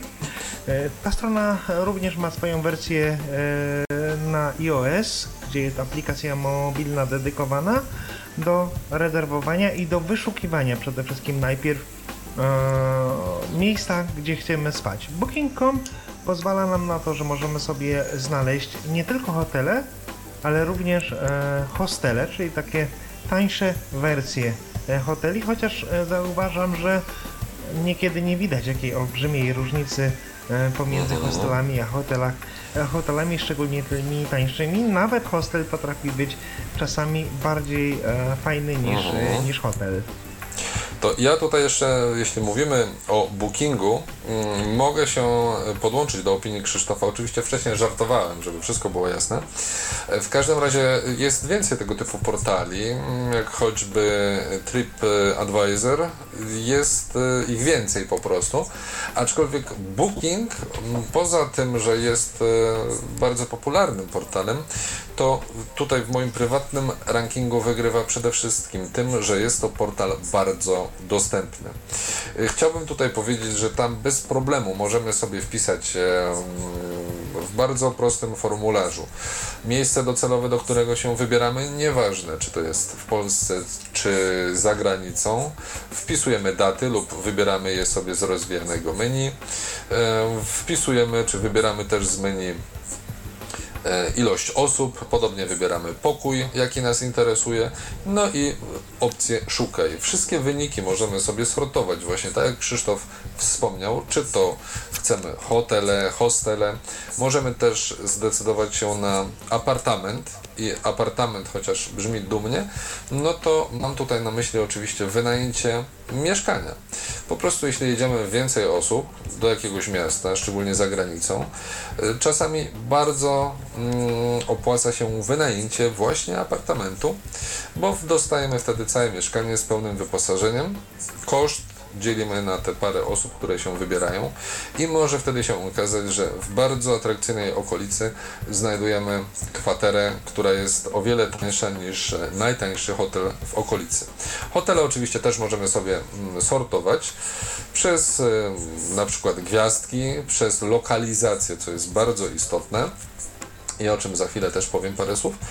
W każdym razie mm, Booking ma jedną e, bardzo fajną rzecz, to znaczy e, podobny system jak mamy na Allegro z gwiazdkami, tam mamy system ocen w skali od 0 do 10, gdzie osoby, które za pomocą Bookingu kupiły sobie mm, pobyt w danym obiekcie, mogą go później ocenić. I ludzie oceniają i na podstawie tych ocen powstają bardzo rzetelne, wiarygodne opinie. Ja jeszcze nigdy nie zawiodłem się na tych opiniach pokazywanych przez Booking.com, także śmiało polecam. E, Booking właśnie głównie dlatego, że jest dostępny zarówno z urządzeń mobilnych, jak i przez stronę internetową. Po drugie, że jest to portal po polsku, także nie ma tutaj bariery językowej. Mamy e, wszystkie informacje, jakie mogą nas interesować, czyli różnego rodzaju udogodnienia. E, także mamy często opisy okolicy. No i rzecz tutaj chyba najważniejsza w kontekście naszej dzisiejszej audycji, to znaczy bardzo często hotele, szczególnie te sieciowe, przeznaczają jakąś pulę mm, swoich pokoi, swoich rezerwacji właśnie y, dla takich portali jak Booking.com y, i są to oferty tańsze. Gdybyśmy sprawdzili cenę jakiejś rezerwacji poprzez stronę jakiegoś upatrzonego przez nas hotelu i później sprawdzili tą cenę mm, w serwisie Booking.com, może się okazać, że ona jest tańsza często nawet o kilkadziesiąt procent. Także ja ze swojej strony też zachęcam do korzystania z tego e, systemu. Paweł, a ty z czego korzystasz? E, momencik, bo tutaj mamy telefon słuchacza. A czy to nie telefon, tylko mamy wiadomość. telefon. E, Wiadomość, tak? witam serdecznie. Powiedzcie, jak wygląda kwestia otrzymania nagłej pierwszej przedmedycznej, kiedy zajdzie potrzeba? Okej, no to ja myślę, że tu jest kwestia bardzo prosta. Otóż e, w całej Europie, bo skupmy się na razie na Europie, funkcjonuje numer 112, tak? Czyli jeśli mamy telefon komórkowy, bez problemu możemy sobie pomoc wezwać. W Stanach Zjednoczonych numer 911, mm, gdy coś się dzieje, no tu wiadomo, może się barierą okazać bariera językowa. Jeśli mamy jakieś podstawy mm, języka angielskiego, myślę, że tu nie będzie problemu. To jest kwestia informowania. Inną kwestię stanowi sprawa ubezpieczenia. E, Bardzo istotne, szczególnie gdy poruszamy się po Europie, jest karta ubezpieczeniowa ECUS, Europejska mm, Karta Ubezpieczenia Zdrowotnego, jeśli dobrze rozwijam ten akronim. Mm, Jest to ubezpieczenie, które, ym, którym jesteśmy objęci na terenie całej Unii Europejskiej i ono, o, że tak powiem, daje nam prawo do uzyskania opieki medycznej na tym podstawowym poziomie, ale tutaj szczególnie ostatnio, parę dni temu była afera też e, w Hiszpanii. E, Ktoś tam zachorował, szukał pomocy lekarza i tam stwierdzili, że nie będą honorować tej karty. Więc zawsze warto jest wykupić sobie ubezpieczenia. Ubezpieczenia to miał być kolejny osobny, jak gdyby odrębny cały temat, bo jest. Tylko to też chodziło o ubezpieczenie, y, znaczy nie ubezpieczenie, tylko pierwszą pomoc w samolocie lub na lotnisku. Okej, no to teraz mamy informację. W samolocie czy na lotnisku, ale co to dokładnie oznacza? Na lotnisku i w samolocie to są dwie różne rzeczy. Na lotnisku mamy asystę. Asysta, która nam pomaga, Ale to są y, pomaga nam pierwszą pomoc, przedmedyczną, nagłą. No to ja myślę, że tutaj Krzysztof może nam najlepiej odpowiedzieć, ale jestem pewny, że te osoby też są przesz- przeszkolone. Krzysztofie, jak to wygląda? E, Te, tak, te osoby są szkolone w kwestii udzielania pierwszej pomocy, e, a także mm, mają przy sobie e, mm, krótkofalówki czy inne możliwości wezwania po prostu takiej pomocy e, i, i, i- wzywają pomoc. Natomiast jeżeli chodzi o pomoc taką w samolocie, no to jest to dokładnie tak samo jak w przypadku e, pasażerów zdrowych. Przede wszystkim się e, obsługa, czyli stewardzi, stewardessy pytają, czy na pokładzie samolotu znajduje się lekarz. Jeżeli się znajduje, no to pierwszej pomocy jest w stanie udzielić. Oczywiście stewardessy e, czy stewardzi też są przeszkoleni w tym przypadku w kwestii pierwszej pomocy. Jeżeli to jest jakiś cięższy przypadek, no to wtedy łączy się załoga samolotu z najbliższym lotniskiem i po prostu jest lądowanie, gdzie, gdzie jest ambulans i, i taką osobę odwodzi się do szpitala. Tak, i trzeba tutaj jeszcze dodać jedną rzecz, że w momencie, gdy zgłasza się, że osoba wymagająca specjalnej pomocy, bo my mówiliśmy, skupiliśmy się tylko na osobach e, z dysfunkcją wzroku, z uwagi na charakter naszej audycji oczywiście, ale jeśli e, samolotem podróżuje osoba, która wymaga specjalistycznej opieki, na przykład e, dodatkowej butli z tlenem lub jakiejś innej formy pomocy, o tym Chociażby na koniecznie... przykład podawania leków w trakcie lotu. Dokładnie, o tym koniecznie, bezwzględnie należy uprzedzić przewoźnika, bo może się okazać tak, że po prostu przewoźnik będzie musiał przystosować samolot do przewozu e, takiej niepełnosprawnej osoby. Bo to czasami jest tak, że nie wiem, ktoś może podróżować tylko w- należąco. No i wtedy to będzie wymagało odpowiedniego mm, przygotowania samolotu. Także mam nadzieję, że odpowiedzieliśmy mm, kompleksowo. I Paweł, jeśli możemy wrócić do mm, pytania, które Ci zadałem, czyli z czego Ty korzystasz szukając lokum? E, tak, oczywiście w pewnej mierze posiłkuję się portalem, o którym wspomnieliście, głównie w dużej mierze dlatego, że właśnie jest możliwość opinii, czyli rzeczywiście wyrobienia sobie jakiegoś tam poglądu na to, jak to może wyglądać. Natomiast od niedawna również e, na wspomnianej stronie, czyli Fly for Free, została jakby utworzona podstrona, czyli Hotel for Free. I przez, ten, przez tą stronę można sobie znaleźć y, hotel. Działa to bardzo podobnie, gdyż na przykład powiedzmy, wpisując y, w nazwę miasta, do którego się wybieramy, dajmy na to Barcelona, od razu rozwija nam się lista z kilkunastoma najbardziej takimi powiedzmy znanymi w tym mieście lokalizacjami.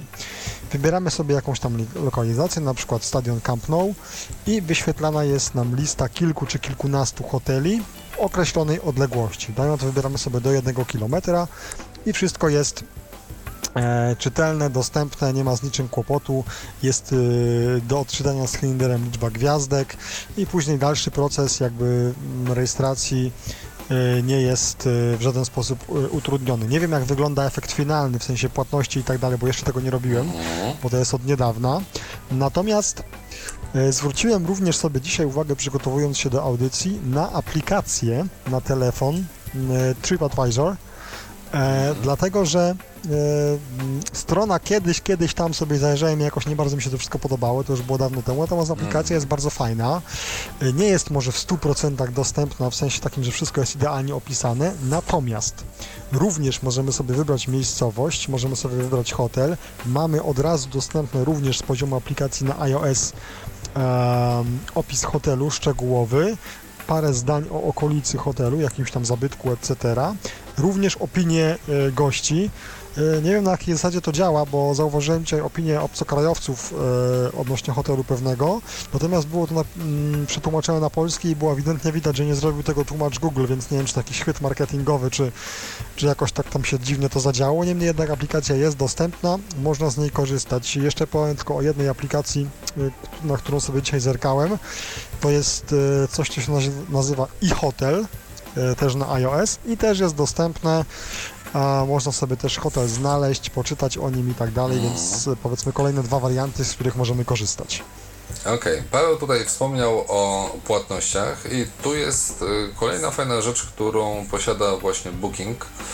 Mm, Pewnie inne serwisy e, posiadają podobną formę, ale sytuacja jest y, taka, to jest generalnie dość popularny chwyt marketingowy, ale jeśli zapłacimy za hotel z góry, najczęściej przy pomocy karty kredytowej, nieważne czy to jest karta kredytowa przedpłacona, czy klasyczna, jeśli zapłacimy za hotel z góry, zapłacimy za niego taniej. Jeśli zapłacimy e, na miejscu, czyli wykupimy sobie rezerwację, nawet podamy numer karty kredytowej i wszystkie dane, żeby ta rezerwacja została zachowana, to płacąc na miejscu może się okazać, że będziemy płacić więcej. Oczywiście na stronie internetowej te informacje są podane i najczęściej e, mówię o tym, żeby e, osoby, które mm, nie znają tego zagadnienia, nie, nie poczuły się zdezorientowane, będą na stronie występowały dwie ceny. Jedna cena właśnie podawana przy płatności na miejscu, będzie to cena wyższa i cena, która mm, można uzyskać y, płacąc po prostu z góry. Panowie, mam teraz do Was takie pytanie, ponieważ czas nas goni, a chciałbym jeszcze kilka kwestii poruszyć. E, Proszę, powiedzcie mi, Krzysztofie, od Ciebie zaczniemy. Jak dokonujesz wyboru hotelu, na przykład korzystając z Bookingu, na co zwracasz uwagę? Co ten hotel powinien mieć? Dla mnie e, on powinien być e, blisko jakiegoś centrum komunikacji e, tramwajowej, autobusowej, czy metra, czy stacji metra. E, I hotel dla mnie powinien być blisko miejsca dla mnie docelowego. Jadę na jakąś konferencję, no to blisko e, miejsca, gdzie konferencja będzie się odbywać. Lubię, żeby to nie był wielki hotel. Nie lubię molochów. E, lubię mniejsze hotele, bo łatwiej uzyskać też pomoc. Przynajmniej tak z doświadczenia widzę w mniejszym hotelu. I też ja się nie gubię w tym mniejszym hotelu. Dla mnie istotne jest, żeby łazienka była w pokoju. Mm, nie gdzieś tam na korytarzu, gdzie bym błądził, szukał. I to chyba takie są najważniejsze elementy. Internetu nie musi być w hotelu, noszę przy sobie, więc to są te, te dla mnie istotne rzeczy. Mhm. Ja powiem jeszcze tak, co dla mnie jest ważne i na co zwróciłem uwagę mm, podróżując tu czy tam. E, Przede wszystkim e, w hotelu warto, wybierając jakąś ofertę, nieważne czy to jest pensjonat, hostel, hotel, czy on ma 3 czy 5 gwiazdek, zwrócić uwagę na to, czy w cenie mamy śniadanie. Bo może się okazać, na przykład dzisiaj przeglądałem oferty mm, z naszego polskiego wybrzeża i na przykład dla mnie ogromną różnicę stanowi oferta, gdzie w cenie 50-60 zł od osoby za dobę e, jest śniadanie lub go nie ma. Bo gdybym e, miał na naszym polskim wybrzeżu e, w sezonie iść i kupować sobie śniadanie, to wyszłoby mnie to pewnie drożej niż, niż ta cena, którą płacę od razu e, za pokój. I jeszcze jedna rzecz, na którą też kiedyś natrafiłem. Aha, to jeszcze po kolei. To, na co Krzysztof zwróciłeś uwagę, czyli lokalizacja. Myślę, że to jest bardzo ważne, szczególnie jeśli zakładamy, że nie będziemy się gdzieś jakoś strasznie przemieszczać, czyli jeśli jedziemy nawet coś pozwiedzać do jakiegoś miasta dużego, sprawdźmy, gdzie ten nasz hotel jest zlokalizowany od tego centrum. Bo może się okazać, szczególnie jadąc za granicę, że wybraliśmy sobie bardzo fajny, tani hotel, który, za który zapłaciliśmy powiedzmy w Europie parę euro i jest super warunki, wszystko fajnie, ale dojeżdżając e, do centrum musimy zrobić trzy przesiadki metrem i ciągle musimy kupować bilety, które są jednak drogie. I mogłoby się okazać, że gdybyśmy podliczyli sobie cenę biletów, jakie będziemy musieli dziennie kasować, to moglibyśmy sobie kupić hotel, który byłby mm, może lepszy, albo przede wszystkim znacznie bliżej tego centrum, tej okolicy, którą będziemy chcieli zwiedzać, odwiedzać czy w niej wypoczywać. mm, I nie będziemy musieli za to płacić, tak? Co jest szczególnie istotne, jeśli bierzemy pokój kilkuosobowy, no bo wtedy y, cena pokoju wzrasta nieznacznie, a za przejazdy, szczególnie za granicą, płacimy wszyscy, no bo tam zniżki nas nie interesują. I ostatnia rzecz, którą... Pamiętajmy, Tak? mm, pamiętajmy też o tym, że e, te śniadania, o których wspomniałeś, to są e, w formie bufetu, w formie stołu szwe- szwedzkiego. Natomiast nigdy nie, mia- nigdy nie miałem takiej sytuacji, że ktoś z obsługi mi nie pomógł. Mhm. Ja myślę, że to przede wszystkim zależy rzeczywiście od personelu. Ja nawet ostatnio byłem w takiej sytuacji, gdzie trafiłem do hotelu z osobą widzącą, która chciała mi pomóc, była moim przewodnikiem, ale po prostu mm, miła pani em, z recepcji po prostu stwierdziła nie, nie, ona chce mnie obsłużyć, więc po prostu z przyjemnością dałem się obsłużyć i miałem podane do stołu, bo rzeczywiście szwedzki stół to może być problem dla osoby z dysfunkcją wzroku, ale tak jak mówisz, ja dotychczas też nie spotkałem się z taką sytuacją, żeby ktoś mm, z personelu hotelu nie udzielił mi pomocy. Ale skoro właśnie mowa o personelu hotelu, chciałem zwrócić uwagę na to, o czym wcześniej chciałem powiedzieć. To znaczy, zdarzyło mi się już trafić do hotelu, gdzie recepcji nie było. I chciałbym bardzo Was uczulić, żebyście sprawdzali sobie informacja bardzo prosta i która może nam umknąć, to znaczy recepcja całodobowa albo recepcja i podane są godziny, kiedy ta recepcja jest czynna. W okolicy, w której ja dość często podróżuję, zdarza mi się trafiać na hotele, gdzie w ogóle nie ma człowieka, nie ma obsługi. To znaczy, żeby wejść do hotelu, musimy wbić na panelu dotykowym kod, który dostaliśmy mailem, rezerwując hotel. Sami musimy się zarejestrować. Dostaniemy z automatycznego podajnika e, kartę i później w pokoju hotelowym tak samo na dotykowym ekranie musimy sobie wszystko ustawić, typu temperatura, klimatyzacja, w zależności od regionu i czy pory roku. I to dla nas jest zupełnie niedostępne. I ja niestety z hoteli, które są bardzo fajne, bardzo tanie, nie mogę skorzystać, bo one są dla mnie niedostępne. I niestety muszę płacić troszkę drożej za to, szukam właśnie zawsze takich hoteli, gdzie ta recepcja będzie, gdzie obojętnie kiedy bym nie przyszedł, obojętnie co by się nie stało, zawsze mogę liczyć na to, że będzie tam jakaś em, duszyczka, którą w razie czego mógłbym poprosić o pomoc. E, Zdarza Panowie, a czy w hostelach, zdarza się też w hostelach, że jest hostel, a recepcja jest zupełnie gdzie indziej, nawet kilkaset metrów e, dalej.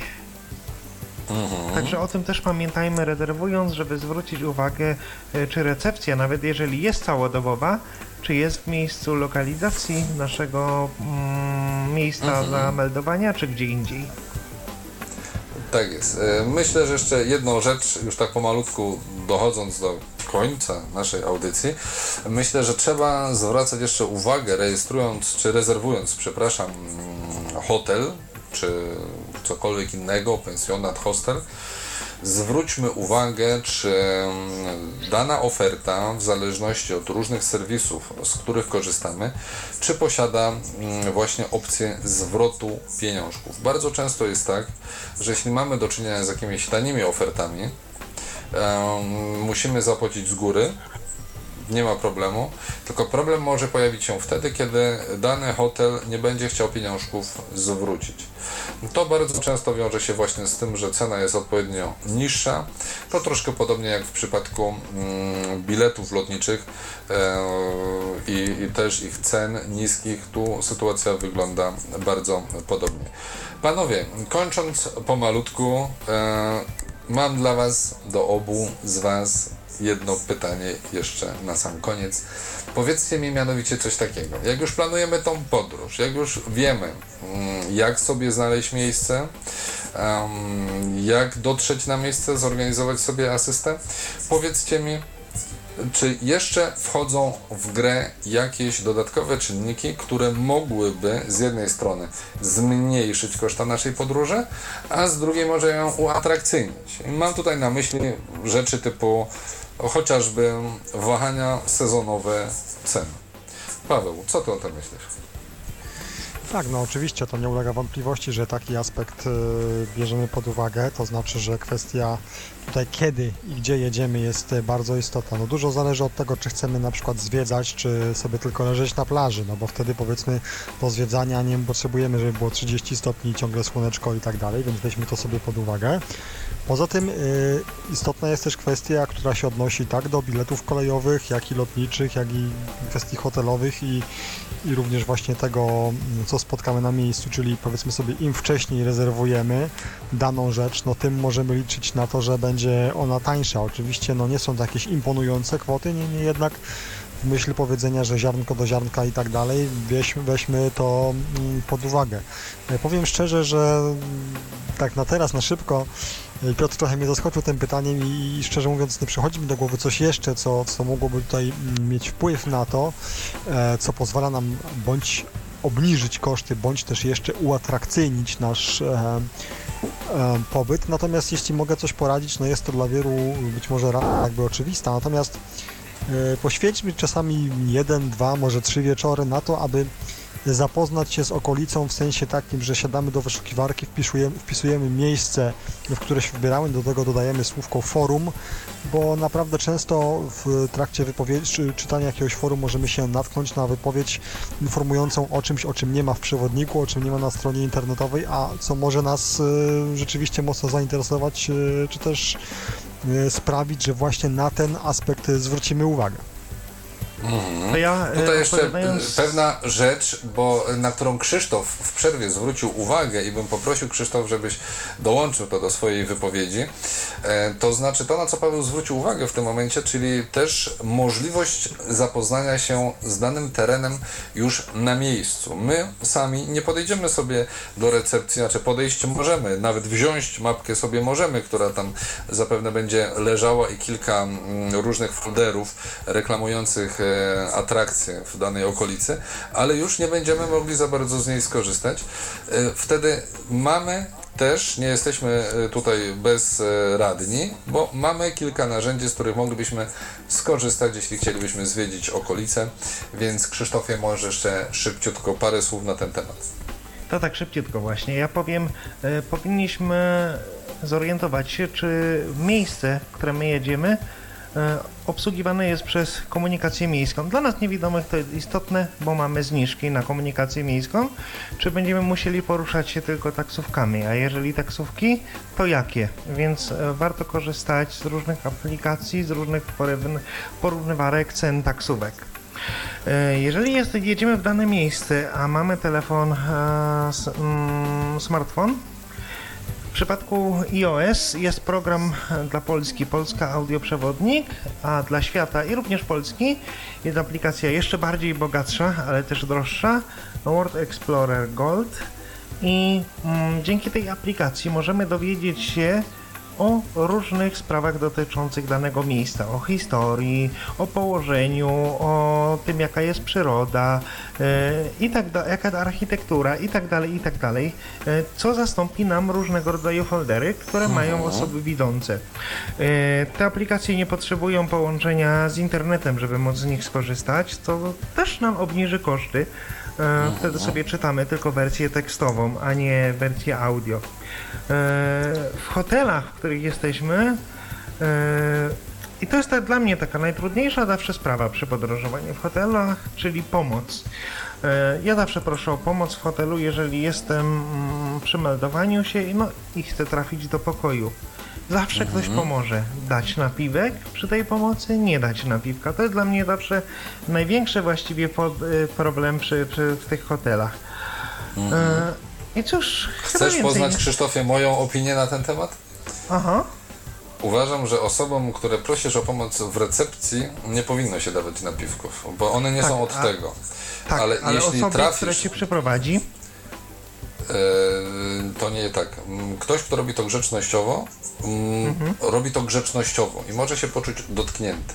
Jeśli Mhm. masz e, typowego boja hotelowego, który tam się zaczyna pojawiać od powiedzmy piątej gwiazdki, um, takiej osobie możesz, ja bym przynajmniej dał.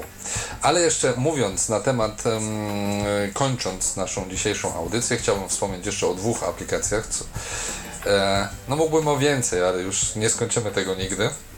Jedna aplikacja, która bardzo mi się przydaje, e, to znaczy jest to aplikacja od firmy Google, nazywa się Lokalnie. Przepraszam.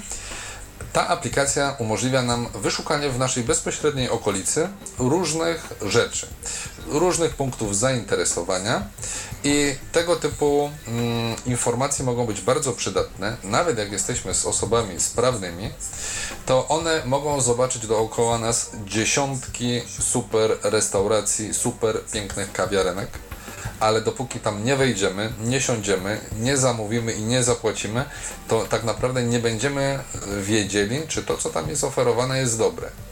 Więc e, aplikacja Google lokalnie umożliwia nam zapoznanie się dosłownie z tysiącami komentarzy na temat najróżniejszych lokalizacji obiektów. Mam tutaj na myśli głównie te obiekty gastronomiczne i mnie już nieraz zdarzyło się korzystać z tej aplikacji za granicą i zawsze z pozytywnym skutkiem. Jeśli szukałem jakichś lokalnych potraw, to zawsze byłem kierowany do takiego lokalu, e, czy szukałem takiego lokalu, który tego typu potrawy oferował. Ale już definitywnie kończąc dzisiejszą audycję, chciałbym zwrócić Waszą uwagę na jedną aplikację. E, aplikacja, która nazywa się iPolak, dostępna jest na urządzenia firmy Apple z systemem e, iOS. Jest to aplikacja, która niezależnie w którym e, kraju jesteśmy na świecie, nie potrzebuje połączenia z internetem, za to wykorzystuje naszego em, wbudowanego GPS-a, jest w stanie rozpoznać, gdzie się znajdujemy i jeśli potrzebujemy pomocy, jeśli zgubimy nasze dokumenty tożsamości, bilety, stanie się cokolwiek, a zostanie nam telefon, będziemy mogli skorzystać z tej aplikacji i tam wyświetlą się nam numery do najbliższego konsulatu polskiego, do polskiej ambasady, gdzie będziemy mogli zawsze zadzwonić i poprosić o pomoc, gdybyśmy na przykład nie byli w stanie dogadać się też e, z lokalną ludnością, mieszkańcami lokalnymi, nie znamy ich języka. E, Zachęcam do skorzystania z tej aplikacji. Jest to darmowa aplikacja wydana przez Polskie Ministerstwo Spraw Zagranicznych. A panowie Wam na dzisiaj bardzo dziękuję. Audycja była dla mnie samego bardzo ciekawa. Mam nadzieję, że jeśli pojawią się jakieś pytania, jeśli nasi słuchacze będą chcieli się czegoś dowiedzieć, liczę na to, że się zgodzicie odpowiadać na ich komentarze pod dzisiejszą audycją. A póki co dziękuję Państwu i Panom też dziękuję w studiu. Razem ze mną byli Krzysztof Wostal Dziękuję. i Paweł Pluszczyk. Serdecznie pozdrawiam, do usłyszenia, dziękuję. I dobranoc Państwu. Był to Tyflo Podcast. Pierwszy polski podcast dla niewidomych i słabowidzących. Program współfinansowany ze środków Państwowego Funduszu Rehabilitacji Osób Niepełnosprawnych.